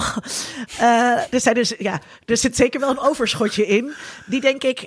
en ik denk dus dat er, dat er best wel veel studenten ook geschikt zouden zijn als docent. Die, die nu dat carrièrepad mislopen, omdat dat niet, niet vooraan bij je studie gemeld wordt, of omdat ze dat op het, dat moment nog niet weten. En, maar ook omdat er nu in de studie wordt er veel te weinig natuurlijk aan taal gedaan om daar daadwerkelijk docent Nederlands mee te kunnen worden. Maar dat kan je natuurlijk oplossen. Ik denk wel dat dus bij Nederlands, dat hebben we ook nog niet benoemd, maar een probleem bij die instroom van de opleidingen Nederlands is, heeft waarschijnlijk wel degelijk ook te maken met dat idee dat het beroepsperspectief daar is leraar worden. He, dus, en dat wil je gewoon niet op je 18e, maar misschien wel op je 23ste. Ja, precies. Ja. Um, dus dat gold dus eigenlijk ook al in mijn tijd. Want toen dachten mensen dus, ja, ik ga, wil schrijver worden. En dit is dus die, dat, dat je dan leraar, uiteindelijk leraar wordt, dat is een soort backup. Of dat is dan het eigenlijke realisme, zou ik maar zeggen. Dus, um, um, wat, wilde jij, wat wilde jij? Ja, oké. Okay. Nou, dus er was één persoon die bij die enquête op allebei de vragen: wat denk je te worden en wat wil je worden, had ingevuld hoogleraar. En, uh, je wist al wat het was. nee, ik had, geen, ik had eigenlijk geen idee. Maar ik dacht, ja, als je, wat, waar, waar word je eigenlijk voor opgeleid als je op de universiteit zit? Dus ik dacht, ja, dan, ja, dan word je toch en als, hoogleraar. Als wetenschapper ben je zowel docent als uh, schrijver. Ja. zo, ook zo, dat is ook zo, ja. Ja, nee, uh, uh, het lijkt me een goed, uh, goede beroepskeuze. Ik heb net de oplossing bedacht. We gaan gewoon binnen de opleiding Media en Cultuur een specialisatie maken over taal en literatuur. Nou, maar, Nederlandse taal en literatuur. Nou, maar Vincent, het... nou, maar kijk, ja. oké, okay, we maken dus een onderscheid, uh, soort van film, televisiewetenschap, digitale, digitale cultuur is het nu zo'n beetje. Um, uh, tijdschriften gooien we dan altijd bij de televisie, mensen. Uh, maar boeken, ik vind dat dus altijd heel raar. Dat ja. boeken, een boek is hartstikke een medium. Het voldoet aan alle, alle kenmerken zoals we die zien. En we doen eigenlijk nooit wat met boeken, tenzij uh, het dan weer heel erg uh, bijvoorbeeld uh, young adult literatuur is of zo. En heel erg gericht in die populaire cultuur valt. En dan mag het bij cultural studies erbij. Ja, um, tie-ins van series of wat dan ook, ja. dat, dat mag dan. Ik heb één keertje een scriptie, echt al duizend jaar geleden bij communicatiewetenschap, een scriptie van een, van een meisje begeleid dat over boeken ging. Ik weet ook niet meer wat het was. Zij is later bij een uitgeverij uh, gaan werken. Maar ja, waarom houden we die boeken zo apart? Komt dat omdat we een afsplitsing uh, waren? Uh, of vinden we boeken te elitair? Waarom ja, tellen boeken ik... niet mee? Ik denk dat het ook gewoon een, een soort institutionele gegroeidheid is. Dat je uh, niet al te veel in elkaars territorium gaat lopen. Uh, ik wilde pissen zeggen, maar uh, gaat graaien. Dat hoort nou eenmaal bij die club, bij de letterkundigen. Die houden zich daarmee bezig. Maar het is het, is, inderdaad op het moment dat boeken in een serie uitkomen of in relatie tot een of andere uh, televisie of populaire cultuur, dan wordt het wel uh, meegenomen. Dan mag je er ook iets van vinden. En zeker vanuit onze hoek van cultural studies, dan moet het vooral uh, low culture boeken zijn. Dat je er dan dat gaat vertellen dat die wel heel erg interessant zijn. maar ja ik, vind, ja, ik vind het een heel raar. zelfs vind ik over radio, maar ja, hebben, gaan we het nu niet over hebben. dat dat een heel arbitrair onderscheid is wat daarin gemaakt is. Ja, radio wordt ook bijna niet gedaan. Hoe, eh, hoe, hoe, kijk, hoe wordt daar bij Nederlands uh, naar gekeken? Kan je bij. bij nou, dat, zit, dat gaat misschien te veel voor de letterkundige hoek, maar daar weet je vast ook wel wat van. Um, mag je daar afstuderen op film of op een televisieprogramma, bijvoorbeeld? Um, ja, ik weet dat niet zo heel. Ik vermoed van wel. Het zal een beetje afhangen van bij wie. En uh, ik geloof dat de, de meeste letterkundigen zijn wel een beetje af van het idee dat het alleen maar gaat over die hogere uh, letterkunde of zoiets. Uh, er is wel, ik weet wel, ik heb in Nijmegen heb ik een collega Ivo Nieuwenhuis. Die is specialist op het gebied van 18e-eeuwse literatuur. Maar ook cabaret recensent voor trouw. Dus dat is wel een aardige combinatie van twee dingen. En ik heb met hem onlangs ook een uh, filmpje. Hij had, onlangs heeft hij een artikel geschreven. Ja, hij heeft onlangs een artikel geschreven over. over uh, uh, hoe heet dat? Zondag met Lubach. dat hij dus gelezen heeft als een, als een letterkundige. Dus ik neem aan dat, ja, ik neem aan dat je dan bij hem daar ook op zou kunnen afstuderen. het gebeurt volgens mij niet zo vaak, maar ik, ik vermoed dat het wel kan. En het verschilt ook een beetje van stad tot stad. Dus ik moet zeggen, ehm, Nijmegen is een betrekkelijk. We hebben denk ik de, de meest traditionele opleiding in veel uh, opzichten. Ik denk dat je aan de UVA Traditioneel bijvoorbeeld. in welke zin? Ja, dus dat we, wij, wij doen dus de, klas, de meest klassiek soort van Nederlandistiek met die die driedeling en, ja, enzovoort. En er zijn, uh, uh, ja, de, de accenten liggen gewoon over. Dus ik bedoel, al die opleidingen lijken natuurlijk uiteindelijk wel allemaal op elkaar. Maar als er een verschil is, zijn wij denk ik betrekkelijk klassiek. Dus gaat literatuur vaak over literatuur en gaat taalkunde vaak over taal. taal van mensen of taal van uh, Nederlandstalige mensen, of hoe je dat ook precies wil noemen. Ja, maar dat is ook wel het verwijt geweest, toch? Aan, aan, de, aan de Neerlandici, aan de universiteiten. Dat het een nogal in zichzelf gekeerde, uh, wat conservatieve uh, club is, nationaal niet echt willen meebewegen, uh, uh, vast blijven houden aan. Ja, oké, maar dat, kijk, dat, maar dat is, dat is gewoon, dat wordt gewoon altijd. Dus als mensen in de problemen zijn, dan wordt gewoon dat, wordt dat natuurlijk gewoon altijd gezegd. Ja, maar jullie willen ook niks, jullie willen ook zelf niks. Je moet kom eens in beweging, mensen. Maar dat, ik, ja, ik geloof, ja, ik weet eigenlijk niet zo goed.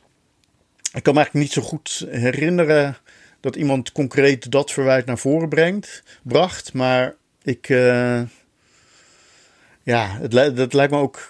Nee, het lijkt me, het lijkt, dat lijkt me geen geldig verwijt, zou ik zeggen. Het is natuurlijk, ja, hoeveel, hoeveel universitaire Nederlandici zijn er? Er zijn vijf opleidingen. Uh, stel zegt dat die allemaal uh, twaalf mensen in vaste dienst hebben, dan zijn er dus 60 universitaire Nederlandici in Nederland. Ja, hallo. Ja. Misschien vertel ik ook gewoon iets wat in een interne discussie aan een universiteit in het midden van het land was. Maar, uh, uh, nou ja, maar ik, dus ja, ik, in, kijk, in Utrecht, nee, maar dus in Utrecht, dus Utrecht is, vind ik, is echt een, heeft een hele goede opleiding Nederlands. En juist ook een die uh, naar buiten treedt. Nou, van, van Oostrom heb ik genoemd. Die treedt op een bepaalde manier naar buiten. maar waar mensen op allerlei manieren heel actief zijn. Uh, ook in ja, maar zo Frits, hè, uh, uh, Frits van Oostrom, die vind ik niet in de media herkenbaar als iemand die vanuit Nederlandse letterkunde, veel meer als mediavist of als ja, historicus, dat, is dat, is dat, is, dat is hoe die herkend wordt. Ja. Dat, dat, dat is dan wel heel jammer dat die niet naar voren wordt geschoven. Op die manier dan. Ja, Ja, nou ja, misschien. Hè. Dus uh, in ieder geval als je als, je als belangrijkste nieuwe doel helden nodig. Ja, ja. Nee, maar dat is zeker waar. Dus die, daar zijn er niet zoveel van. En uh, kijk, uh, in Nederlands is er veel opzichten te vergelijken met geschiedenis. Dat is ook een soort klassiek vak. Ook een vak wat klassiek eigenlijk primair opleidt tot leraar. Of in ieder geval, dat is een van de eerste dingen waar je aan denkt bij geschiedenis. En dat is dus in die zin een, een, een uh, interessantere vergelijking dan met mediastudies, omdat dat in veel opzichten zo'n ander soort van uh, uh, studie heeft met zo'n ander soort imago. Maar geschiedenis doet het veel beter dan, dan ja. Nederlands. Alleen, wat ik begrijp van de collega's historici, geldt dat dan weer niet voor wat vroeger, tot geloof ik vorig jaar in Leiden nog vaderlandse geschiedenis heet. Dus dat geschiedenis drijft juist heel erg op dat, op het interna op dat internationale. Dus het, Nederlands, het Nederlandse is gewoon ook een belangrijk probleem. Het is een belangrijk verkoopprobleem. En ik denk dat mensen als Van Oostrom, en dat geldt natuurlijk nog veel sterker voor de, de beroemdste Neerlandicus die er is op dit moment, namelijk Herman Pleij. Ik moest even ademhalen voordat ik die naam kon uh, zeggen. Uh, maar die, ja, die, die, die profileert zich als een soort weet, allesweter. Uh, hè, dus iemand die alles weet over alles en, uh, en de meest afschuwelijke dingen uh, vervolgens beweert over het typisch Nederlandse volkskarakter enzovoort. Ja, met een, met een, met een enorme zelfvertrouwen. Oh, is hij ja. die man die dan over de koopmansgeest en de... Ja, dat ja. is hij? Dus hij, hij, ja, ja, ja. En oh. dat, dus dat is iemand maar die, hij die toch, zijn carrière begonnen is van... Ja. dus, hij zijn carrière, carrière begonnen als een keurige wetenschapper die uh, keurige uh, studies deed over middel, middeleeuwse uh, literatuur. En nou ja, dus gaandeweg en nu ja, helemaal. Maar dus dat woord Neerlandicus ook volkomen vermijdt. Ja. Dus hij zegt dan dat hij cultuur, cultuurhistoricus is, volgens mij. Ja, uh, nou, wij wilden al een uitzending maken over gepensioneerde hoogleraren. Dus uh, moeten we Herman Pleijs vragen. Maar niet, ja. niet, maar niet met hem. Um, ja. Maar je had het zelf net uh, even... Oh, stipt je het even aan over het onderscheid tussen hoge en lage cultuur, dat dat misschien ook, ook meespeelt. Um, we moeten het namelijk hebben over een ander zorg, zorgen, zor, zorgen manier, hoe zeg je dat? Andere manier waarop zorgen over Nederlands geuit worden in de media. En dat is natuurlijk ontlezing. Um, uh, en is, is daar ook een, uh, een relatie met media gebruik? Dat wordt vaak. Er wordt, de, de, mensen poneren vaak dat, dat media elkaar zouden substitueren. Dus al die gamende jeugd die leest niet meer. Nou, is die substitutietheorie binnen mediastudies niet zo heel populair? Hoe zit dat onder de Neerlandici? Um... Je mag zeggen hoor, als het de schuld is van, van, van de media. nou ja, dus nog even los van de vraag of iets ergens de schuld van is. Het is ook heel, dus qua media, het is natuurlijk heel verschrikkelijk ingewikkeld. Dus uh, je, je kunt uh, volhouden dat mensen meer schrijven nu dan dan twintig jaar geleden. Hè? En, uh, en zelfs ook misschien dat ze meer lezen. Alleen. Uh, ik denk zeker, zeker meer. Of dat het nu misschien is het. Instagram is nu nog wel weer populairder. Maar zeker uh, toen, toen iedereen nog massaal aan het Facebooken was. Wat super text-based is. en zeker toen ook nog was. Werd er heel veel geschreven en heel veel gelezen. Ja, maar nu, kijk, nu het meeste verkeer vindt zich natuurlijk plaats juist op de niet openbare sociale media, zou ik maar zeggen, dus WhatsApp en dat soort dingen. Ja, ook dat. En er wordt natuurlijk ook ontzettend veel uh, geschreven en ook weer ontzettend veel uh, gelezen. Alleen, ja, er, worden, er worden bepaalde dingen gelezen en er worden dingen gelezen op korte, op korte termijn. Het probleem is denk ik altijd een beetje dat uh, je nooit zo goed weet wat nou de kip, een soort kip-en-ei verhaal. Dus waar, waar begint. Dus het heeft iets te maken. Het heeft natuurlijk wel iets te maken met die andere media. En dat die andere media aantrekkelijker zijn. Maar ja, misschien zijn die wel inherent aantrekkelijker of zoiets. Misschien is dat wel. Is dat lezen wel een soort. Uh, uh, voor, in ieder geval was dat vroeger voor veel mensen een soort erzats van iets wat zij hadden die mensen vroeger eigenlijk ook wel naar Netflix willen uh, kijken. Alleen ja, Netflix bestond, bestond nog niet. Dus, dus ehm, wat ik bedoel is eigenlijk dus die, een heleboel van die media die ontstaan natuurlijk omdat daar een soort menselijke behoefte aan is. En ehm, dus je, dus, en, en ook omdat dus je kunt niet de discussie zo. gegooid wordt. Sorry? Ook omdat er veel geld in gegooid wordt. Dus eh, Vincent had het net over storytelling. En als jij eh, goed bent in storytelling, dan kan je een contract krijgen bij Netflix waar je heel erg veel geld mee kunt verdienen. Terwijl als jij een story gaat vertellen in een roman, ja, dan mag je in Nederland blij zijn als je 500 exemplaren eh, eh, verkoopt. Dus het, is, het kan ook nog eens een keertje zijn dat het, dat, dat het talent eh, wordt weggekocht. En, het is, en is in die zin eh, is het dus ook niet raar dat mensen heel graag naar Netflix kijken. Want daar zitten ook mensen die heel goed verhalen kunnen vertellen. Zeg Ja, maar, maar het, is dus Nee, denk- het is heel moeilijk te bepalen waar dat nou precies begint. Dus het begint er denk ik in ieder geval niet mee dat er iemand denkt: laat ik met Netflix beginnen en laat ik dan daarmee honderden miljoenen mensen gaan trekken. Of dat, dat zal hij wel hebben gedacht, maar zo werkt het natuurlijk niet. Dus het, dat werkt omdat mensen dat vervolgens weer willen. Dus het is zo dus je kan er niet, je kan niet de schuld geven aan die, aan die media, maar ze spelen er wel een rol in. Dat is denk ik. eh, eh, en ze zijn misschien een soort teken van wat, van wat er gebeurt. Maar het is, ehm, ja, het, is heel, het is heel ingewikkeld natuurlijk ook omdat. Ja, dus, dus als het gaat over literatuur, dus het gaat over Nederlandse literatuur. Ja, boeken, dus belangrijke boeken van voor de Tweede Wereldoorlog. Die, die, die, die verschenen in een oplage van 500 tot 1000 exemplaren of zo. Hè? Dus eh, Alleen dat was wel hetgene waar alle focus op gericht was. Tegelijkertijd las, las dat in zekere zin minder mensen dan nu eh ja, Ilja Pfeiffer lezen. Ja, dat, dus het is, het is heel ingewikkelde. Dat was toen, waren die, was zo'n druk ook maar zo, zo klein. Ja, Dat- ja, dus Slauerhof of eh, ja, eh, Marsman. Dat, dat waren dus, ja, dat, ja. Oh, ik dacht dat dat altijd dat dat enorm teruggelopen is. En dat, Nou, het is, het is heel terug, het is teruggelopen, maar het is, het is teruggelopen sinds de jaren. Ja, ik denk, wat, wat zullen de hoogtijdagen zijn geweest van de, de, de hoge literatuur? Dat waren de jaren 70, 80, zeg maar, hè? De grote drie, weet je wel? Dus Moelis, schreven. Dat, dat, was, dat is zo'n beetje de tijd dat enorme verkoopcijfers gelijk viel met, met eh, hoog literair aanzien. Eh, voor, Ik de heb ook oor- nog voor de oorlog was het niet zo. En nu is het nog een, nu is het natuurlijk in zekere zin nog een beetje zo. Dus ja, bepaalde schrijvers verkopen natuurlijk nog wel eh, in grote oplagen.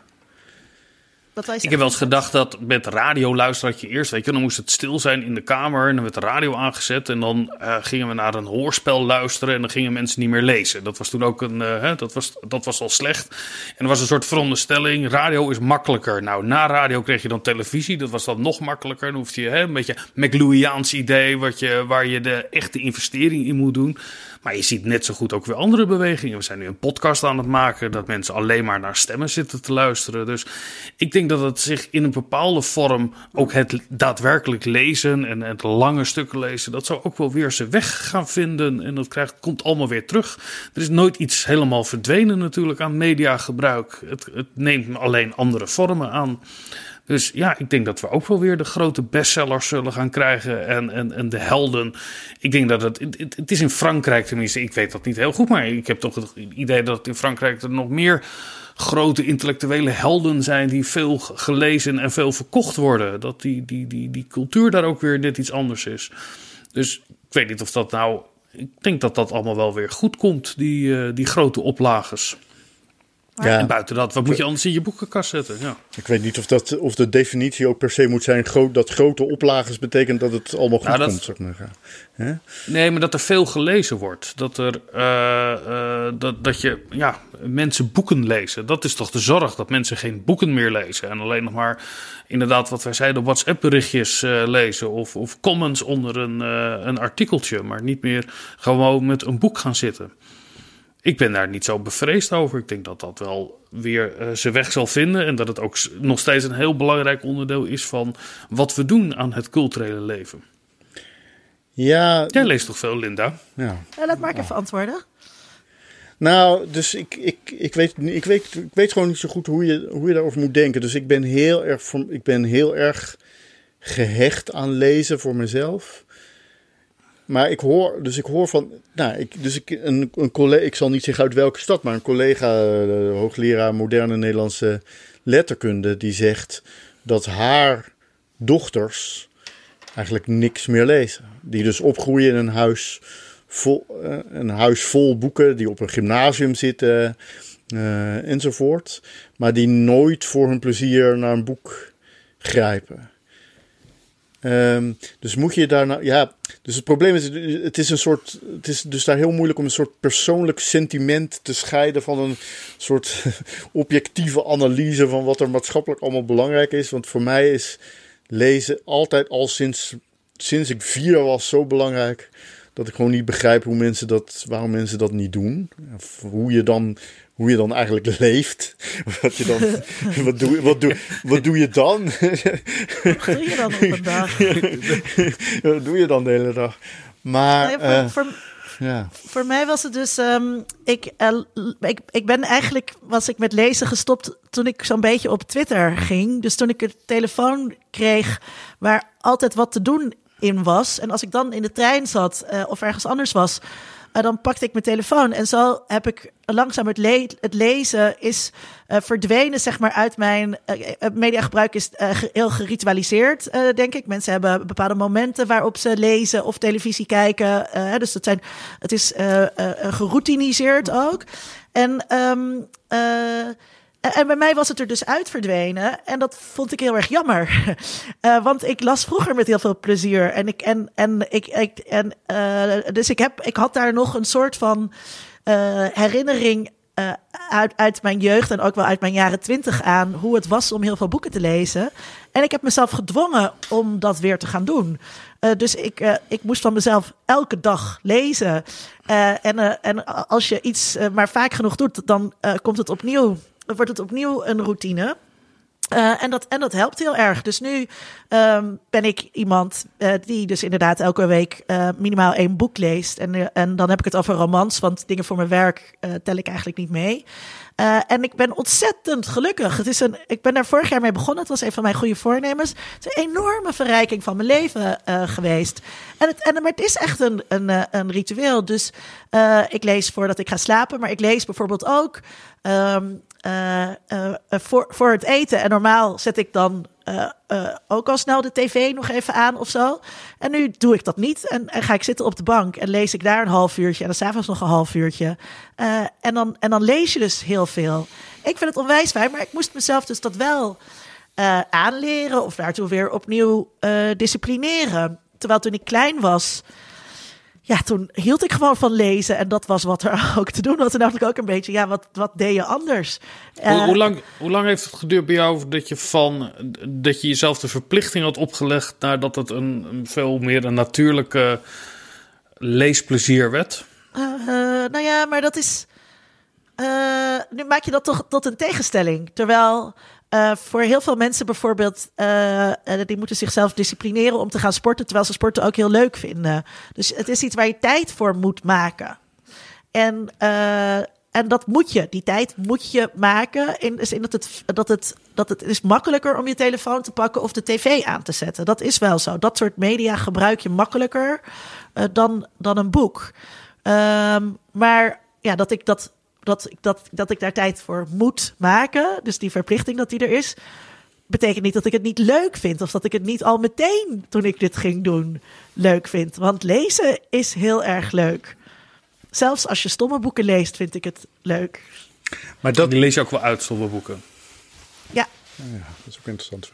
Maar, de, maar dat was ook waarom je dat ging doen. Dus je dacht, ik vond dat toch eigenlijk leuk moet ik dat niet weer gaan doen? Of... Ik had een positieve herinnering aan lezen. Dat, dat ik heb ergens heb ik eerder uh, uh, heeft dat in mijn dagelijkse uh, routine gezeten dat lezen. Dus dan is het makkelijker om dat terug te roepen dan om je dat uit out of the blue aan te gaan leren op je 44ste. En ik denk dat dat ook het een dat dat dat dat uh, met ontlezing, nou ja, lezen, lezen is volgens mij goed voor je taalbegrip en al die dingen. Maar je gunt het mensen ook. Wat, wat toch, je, ik, ik, hmm. en ik probeer dus ook andere mensen over te halen om weer te gaan uh, lezen. Omdat ik dat andere mensen ook gun. Om, om te verdwijnen in boeken die, die mooi zijn en uh, in andere werelden te stappen. En, en, als het dus, en je moet het dus in je routine krijgen. Want anders ga je niet lezen. Het is net als met podcast luisteren. Als dat niet in je systeem zit, dan kan je wel zeggen: luister een keertje deze podcast. Maar dan wordt het, dat wordt nooit een podcastluisteraar. En dat is denk ik hetzelfde met een lezer. Je moet een lezer worden. En die, en die dochters van, van uh, die hoogleraar, wat je zei. Ja, als die dat nu niet gaan doen, dan is de kans heel klein dat ze dat later nog wel gaan doen. Ja, en dan is dus de vraag: is dat erg? Want ja, kijk, zij zijn, zij zijn dus voorbeelden van jongeren voor wie het heel erg voor de hand eigenlijk zou liggen. Want zij worden dus de hele tijd allebei hun ouders lezen. Huis staat vol met boeken. Um, dus het, ja, het ligt heel erg voor de hand. En toch kiezen ze er niet voor. Het is natuurlijk maar een statistiek van één geval, maar toch, als dat dus uh, exemplarisch is, dan, ja, dan uh, verdwijnen de lezers. Of er zullen altijd lezers blijven, dat natuurlijk wel. Maar er zullen minder, minder of geen boekwinkels meer zijn en, en, en dat soort dingen. En de vraag is natuurlijk, is dat, nou, is dat nu erg? En ja, dat is een vraag die volgens mij bijna niet te beantwoorden is. Dus ik vind het. Dus ik, ik bedoel, persoonlijk lijkt het me verschrikkelijk. Lijkt me een samenleving waarin niet gelezen wordt verschrikkelijk. Niet omdat ik dan denk, wat gaan de mensen dan doen? Maar omdat ik ook echt geloof in het soort dingen die je uh, leert. Of in ieder geval traint met lezen. Uh, of dat lezen je echt een soort dimensie, een manier van naar de werkelijkheid, naar de menselijke werkelijkheid uh, kijken geeft. Die je anders gewoon niet hebt. Dus, hè, dus uh, in het, gewoon het cliché van in iemands hoofd en vooral in iemands heel anders, die heel anders is dan jij, uh, hoofd kunnen kijken en meeleven. En iets anders. Ja, ik vind altijd, ja, er wordt altijd dan gezegd dat, dat je dan empathischer daarin zou worden. Of dat je. Terwijl ik lezer ook heb ervaren dat je met hoofdpersonen in aanraking komt, waardoor je op hele rare gedachten gaat komen. Dat je misschien wel een heel uh, verstoord beeld op de werkelijkheid gaat krijgen. Uh, veel prachtige literatuur uh, is eigenlijk, tenminste, ik, ik heb het betoog al eens gehouden dat het lezen van bepaalde boeken mij meer op het verkeerde pad hebben gezet dan de meest verschrikkelijke film dan ook. Dus dat het alleen maar het goede zou stimuleren, geloof ik helemaal niet. Er zijn maar dat zei Mark toch ook niet? Nee. Nou, ik, ik meende daar wel iets van empathie. Ja, maar de, de, wat, jij, wat, jij beschrijft, wat jij beschrijft is natuurlijk ook. Ja, dat kan ook empathie zijn. Ja, is ook empathie. Ja. Is empathie met de verkeerde ja, figuren. Maar niet, moreel goed, maar niet moreel het goede, zo Nee, nee, niet moreel. Nee, nee, dat, dat lijkt mij uh, sinds uh, de Tweede Wereldoorlog niet meer iets wat je kunt zeggen. Dat het mensen, dat het je in die zin moreel een beter. Uh, uh, mens maakt, maar wel dat je, nou ja, dus wel dat het je een beter mens. Dus ik, als je denkt dat mens zijn betekent uh, contact hebben met andere mensen, dat dat een belangrijk aspect is van mens zijn, inclusief met mensen met afschuwelijke ideeën of mensen, in ieder geval met mensen met heel andere ideeën. Dan maakt het je dus in die zin wel een beter mens. Maar niet moreel. Nee, ik denk niet dat je dat is, ik bedoel, dat, dat, dat is vast onderzocht, maar er is vast ook nooit iets uitgekomen. He, dus. Uh, er, zijn wel, er zijn wel van die. Dat de, dat de, dat, ik geloof dat een paar jaar geleden was dat er. De, er was een, iemand die dronken in het, aan het verkeer had deelgenomen. En die moest van de rechter verplicht Tonio lezen van Van der Heijden. Dat boek over zijn zoon, die is verongelukt ja. bij een verkeersongeluk. En uh, dus daar was dan het idee dat je dat dan leest en dat je dan begrijpt hoe verschrikkelijk dat is voor ouders. Uh, als uh, hun kind wordt geschept door je auto. Ja, zelfs dat op die kleine schaal lijkt mij. Ja. Maar dat is ook dat e-, één, het, het, het, het, het past precies in het, in het frame van lezen is een straf. en, ja. en twee, mm. hoe ga je dan moet, moet, moest hij er daarna dan een soort naar eindexamen over doen? Of ja, een signaal worden? Een werkstuk over uit de tekst had gehaald. Ehm, ik, ik ga zo naar het einde, maar eerst nog, uh, Mark, uh, over die ontlezing. Er wordt vaak gezegd dat er een soort leesoffensief zou moeten komen. En um, uh, altijd, altijd als er goed gedrag gepromoot wil worden, dan worden er tegenwoordig influencers met de haren bijgesleept. Dat is de schuld van onze collega's bij communicatiewetenschap, die dan zeggen: wil je iets veranderen in het gedrag van kinderen en jongeren, dan moet een influencer het doen. Dat is totale de grootste onzin. Um, moet er zoiets komen als een, als een, als een als een promotiecampagne voor lezen in de media? Of is dit hiermee op te lossen? Ja, nou ja, dus wij, wij, wij, dus uh, Vincent speelt een beetje advocaat van de duivel, maar jij en ik is hij goed uh, praten hier toch echt als een soort geloof, het is ook natuurlijk als een soort gelovige hierin, hè? want je kan, je kan het dus niet echt verklaren of je kan het niet echt uitleggen, maar het is een soort, dus, zoals, je, zoals wat jij daar ook daarnet zei van, ik gun het, ik gun het andere mensen, dat is natuurlijk ook typisch iets wat gelovigen zeggen, weet je wel. Dat, hè, dus ja, ik, ja, ja, ik gun andere mensen ook dat ze Jezus Christus is ook voor jou gestorven. En, maar ja, dat gevoel, dus wij moeten niet ontkennen dat wij dat gevoel ook hebben. Sterker nog, je kunt natuurlijk zeggen dat dit een soort seculiere, dat gehecht aan lezen, een soort seculiere vorm daarvan uh, van is. Maar ja, ja, ik ben nou eenmaal wel zo, dus ja, dus, ik, ik, dus, maar van, dus vanuit dit geloof, van, vanuit deze innerlijke overtuiging, denk ik eigenlijk wel, vind ik het toch wel goed dat dat gebeurt. Ja, uh, ja dus omdat we, het, omdat we het andere mensen gunnen, of, of influencers daarbij werken, is dan weer een ander, uh, andere vraag. Het is toch al 30 jaar is er, zijn er campagnes voor lezen. Ik kan me nog herinneren dat, de, dat Stichting Lezen een deal had met goede tijden, slechte tijden, dat dan de acteurs in een scène uh, uh, wat vaker met een boek op de bank zaten in plaats van televisie te kijken op het moment dat de scène begon. En dat dat dan de manier was waardoor de jongeren meer zouden gaan lezen. Ik vind dat altijd zo vergelijkbaar. Het aanjagen van lezen is hetzelfde als met aanjagen van klassieke muziek. Dat allemaal jonge mensen moeten allemaal klassieke muziek luisteren. En dat, ja, het, het, het, het ja, ik, Ehm, als mensen het niet willen, hè, uh, naar die klassieke muziek, dan gaan we ook geen kaartjes zwaar gesubsidieerd dat je wel naar het concertgebouw. Dan komen natuurlijk alleen maar kinderen van hele rijke ouders die dan ook daar niet voor hoeven te betalen. Als er zo'n enorme lobby is voor die literatuur, want ja, uh, uh, ik geloof dat dat toch de hoger opgeleide in Nederland zullen deze lobby allemaal steunen. Het, het grappige is. als het dan uiteindelijk niet lukt, dan moeten we het toch ook gewoon maar loslaten. En nog even terug. Als we nu tot nu toe altijd hebben gedaan met veel lezen. en je kijkt naar de wereld. misschien moeten we dan nu een keer proberen zonder dat er veel gelezen wordt. Als je, als je, als je kijkt naar uh, series gebaseerd op kinderboeken. Uh, of films gebaseerd op kinderboeken.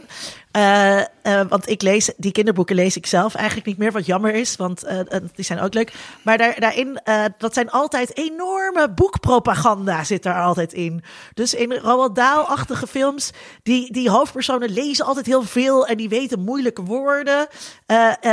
ik keek nu toevallig um, The House with a Clock in its Wall.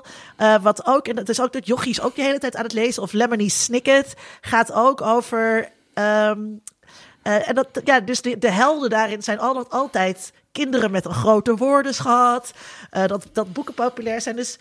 Um, ja, uh, kindermedia worden ook als eerste gemaakt voor ouders. En via de ouders komt het dan bij kinderen terecht. Dus eerst moeten die ouders dat leuk en mooi en goed vinden. Ja, maar, ja, dus, maar, dus maar ja, het gaat nu ook. Dus nu ik, je kunt het volgens mij ook wel weer te ver doorrelativeren. Dus het lijkt mij, kijk, op zijn minst moet je dus het lezen van boeken, even los van of dat romans moeten zijn. Uh, het lezen van boeken is denk ik wel is ook echt wel een belangrijke en nuttige vaardigheid. Dus al gaat het maar over non-fictie, zal ik maar zeggen. Of misschien juist ook over non-fictie. Uh, dus het begrijpen van eh, ingewikkelde dingen, dat, er is eigenlijk geen, e-, er is geen echt alternatief voor buiten het boek nog steeds. Dus er zijn gewoon tal van onderwerpen die je eigenlijk niet echt overgedragen krijgt als niet in een boek. En op zijn minst zou je zeggen, wil je kinderen, jongeren, dus uh, daarin trainen. Het uh, boeken leren kennen, omdat ze daarmee allerlei uh, dingen kunnen gaan begrijpen die belangrijk voor ze kunnen zijn, nuttig voor ze kunnen zijn, wat dan ook. Dan ligt het ook wel voor de hand om dat met kinderboeken, jeugdboeken en eigenlijk ook wel met romans op zijn minst te trainen. Dus je traint daar op zijn minst bepaalde vaardigheden mee. Dan gewoon het begrijpen van iets wat lang is, complex, waar je, wat je niet in anderhalf uur uit hebt, maar waar je vele, vele uren mee bezig bent. En jezelf steeds toe moet zetten. Ja, dat. dat ehm, dus een leesoffensief alleen al in die, om die reden uh, lijkt me echt belangrijk ik ben, daar, ik ben daar ook voorstander van, omdat ik dus uh, omdat ik een beetje evangelistische neigingen heb, uh, naar het schijnt. um, aan het einde van de uitzending willen wij altijd een vraag beantwoorden die we vaak van tevoren nog niet weten. En de vraag die ik eigenlijk net een beetje heb bedacht, is: um, zijn de problemen. Is er, is er een relatie, of is het misschien wel circulair? Is er een relatie tussen uh, de manier waarop media schrijven over uh, de studie en de opleiding Nederlands en de problemen die er zijn um, bij rondom het Nederlands. En met die problemen bedoel ik dan uh, hè, die, die ontlezing of, of het lage aantal studenten dat er is komt dat, heeft dat op de enige, enige manier te maken met de manier waarop de media alsmaar ook daar de aandacht op vestigen? Ik ga eerst Vincent laten antwoorden en dan mag jij, Mark. Dus dan kan je er nog even af. het klinkt alsof je de vraag stelt: uh, het, het, het, slaat het ergens op wat er in de media verschijnt nou, met de werkelijkheid? Op, maar is het, het is een beetje. Um, uh, Mark zei zelf, die, daardoor ben ik er weer opgekomen. Hij zei denk ik ergens een keer, weet je, een kip-ei verhaal. Dus er zijn problemen, maar die worden ook aange... De media vestigen ik moet dat ook goed zien. Het zou ook beter kunnen als je het op papier kon doen in plaats van met taal. Uh, schrijven, ja, schrijf het uit. Uh, ja, nou, dus, dus um, er is, kijk, negativiteit doet het goed in, in de media. en dus komt dan Nederlands dus vaak negatief in het nieuws. Of er wordt veel op, op, op, op gemopperd. En een verhaal over hoe leuk hoe Linda het leesplezier terugvond. Ja, dat is natuurlijk gewoon een kutverhaal. Dat, dat, maakt, dat is geen opiniestuk. Nee, ik denk dat al het, het, het, de Nederlandse. Het, het is iets wat we met, met, met, met elkaar delen en waar we het. Dit als koken en eten. Weet je wel, daar kunnen we ook heel veel over praten en hebben we allemaal maar meningen over. Koken, Dat is altijd. Gaat dat, dus dat is heel positief. Jee, maar er worden ook mensen die slecht eten en te dik worden en, en niet meer kunnen koken en afhaal eten. Ja, maar daartegenover staat dus wel een heel positief vertoog over, over lekker eten en recepten worden uitgebreid met elkaar gedeeld. En, en op Instagram maak, maak ik foto's van al het lekkere eten wat ik eet. Maar ik fotografeer oh, eigenlijk niet alle lekkere boeken die ik lees. Die verhalen die hoor je toch ook heel veel over hoe erg het zou zijn als een opleiding Nederland zou verdwijnen. En we krijgen nog steeds allemaal schrijvers op televisie te zien. En ja, maar dat gaat dus allemaal, over hun werk. Het zijn allemaal zorgen. Iedereen uitzicht de hele tijd. Het zijn allemaal dus zorgen en gemopper.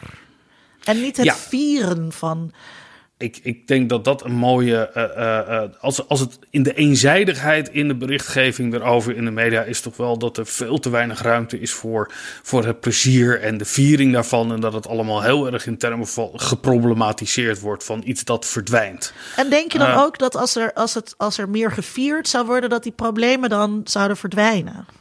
Ik denk dat er ook hele mooie initiatieven zijn geweest. Dat er nieuwe uitgevers kwamen die het op een andere manier gingen doen. Zoals dat uh, mag. De, ja, en de correspondent brengt boeken uit, non-fictie weliswaar. Uh, maar dat het zich allemaal wel weer een eigen uh, weg gaat banen daarin. En dat er ook wel weer positieve verhalen komen. Paulien Cornelissen kwam net langs. Volgens mij heeft zij ook gigantische oplagers. geeft dat in eigen beheer uit. Ik denk dat er ook nog waanzinnig veel wordt geschreven in Nederland. En dat er misschien ook wel nog meer uitgegeven wordt, omdat iedereen dat op eigen houtje doet. Uh, dus dat er nog een hele levendige cultuur is. En daar mag wel wat meer aandacht voor komen en plezier over. Uh, wat daarin gebeurt. ja, is, dat, dat, dat gun ik iedereen. Een enorme wereld aan non-fictieboeken. Bijvoorbeeld Eindelijk weten wat seks is. Het laatste boek van Linda Duits. Koop het nu bij uw lokale boekhandel.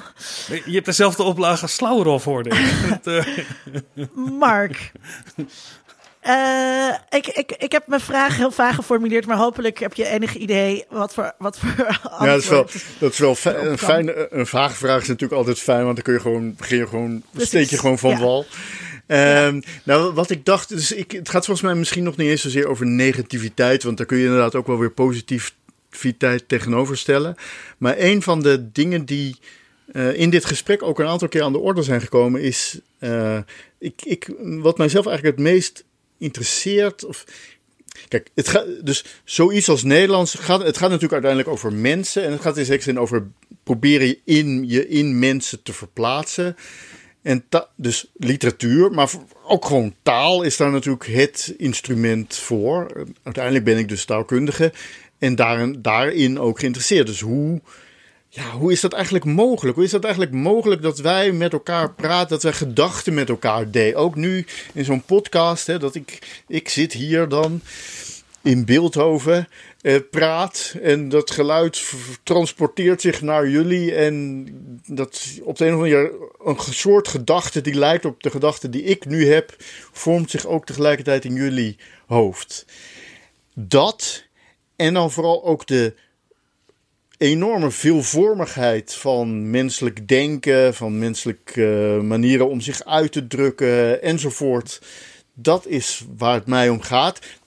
Waar, ondanks het feit dat we dan zo'n soort wonderlijke uitsnijden nemen die we dan Nederlandse taal en cultuur noemen. Maar dat is ja, wat mij betreft ook eigenlijk vooral pragmatisch. Dat is, ik bedoel, Franse taal of cultuur of Swahili taal of cultuur is natuurlijk ook allemaal precies even interessant. Maar dus ondanks het feit dat je moet een uitsnede nemen. En dat is een uitsnede die voor mij een soort van die diepte laat zien. En hij wordt aan alle kanten bedreigd door mensen die dingen willen meten, op een maat willen stellen. Dus die, bederven het examen.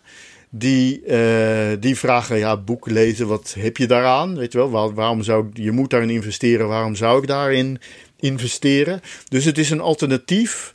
Mijn uh, leven is een soort alternatief voor dat streven. Dat is ook eigenlijk wat ik wel zou willen, willen zijn. En je zou kunnen zeggen, dat geldt dus ook voor die, dat soort mediaverhalen die ook dat is ook ja, het is allemaal, uh, het is allemaal mislukt en het is allemaal, weet ik veel, dit, dat, dit en dat. Van, uh, ja, dit is uh, een, een soort heel schrale manier van naar de werkelijkheid kijken.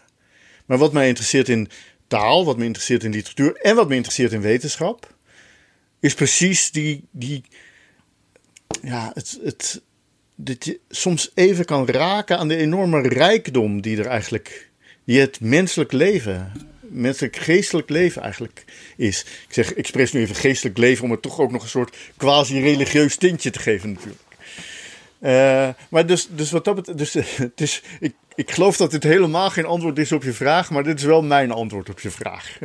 Doe ik dat er ook toe. Dat, uh, Prachtig dat, pleidooi voor de geesteswetenschappen. En, uh, dat, dat, het is, het is denk ik inderdaad een groot pleidooi voor de geesteswetenschappen. En het is heel interessant ook om te zien hoe allerlei uh, maatschappelijke uh, discussies die eigenlijk of ogenschijnlijk niet heel veel met het Nederlands te maken hebben, toch samenkomen waar we een beetje aan geraakt hebben. Dus over uh, hoog en laag, uh, over polarisatie, over nationalisme, uh, bedreiging. Um, dat, dat, dat, het is ook heel, heel sociaal wetenschappelijk interessant. Laat ik het, laat ik het zo Mocht je toch nog meepraten? Mocht ik dat er toch nog even, mocht, mocht ik dat er toch nog even in, in fietsen? Is, uh, dat is wel zo. Uh, dit was aflevering 135 van de podcast Onder Mediadoktoren. De redactie bestaat uit Vincent Kronen en mijzelf. Linda Duits. Uh, kijk. kijk. op ondermediadoktoren.nl voor ons Dankjewel, archief. Linda. Ja. En vind daarbij bijvoorbeeld aflevering 46 internettaal. Of aflevering 60, popularisering van wetenschap. Beide met Mark. Mark, superleuk dat je er weer was. Dankjewel, Mark. Uh, we, we, blijven gewoon onderwerpen verzinnen. Dit hebben we gewoon. Zeiden ja, we willen Mark uitnodigen. Waar kunnen we het over hebben? Nou, de studie Nederlands. Dus we verzinnen gewoon vanzelf weer iets anders. Uh, en dan hopen we dat jij weer terugkomt. Heel veel dank ook aan onze Patreons. In het bijzonder natuurlijk Matthijs van Lisdonk. Wist u al dat u tegenwoordig ook op Vriend van de Show uh, een bijdrage kunt leveren aan ons? Kijk op vriendvandeshow.nl slash ondermediadoktoren. Over twee weken maken we een nieuwe aflevering. En dan gaat het over weerstand tegen waarheid. Met Bas Haring. Heel graag. Tot dan. Onder Mediadoktoren is een podcast van Vincent Kronen en Linda Duits. Meer informatie vindt u op ondermediadoktoren.nl.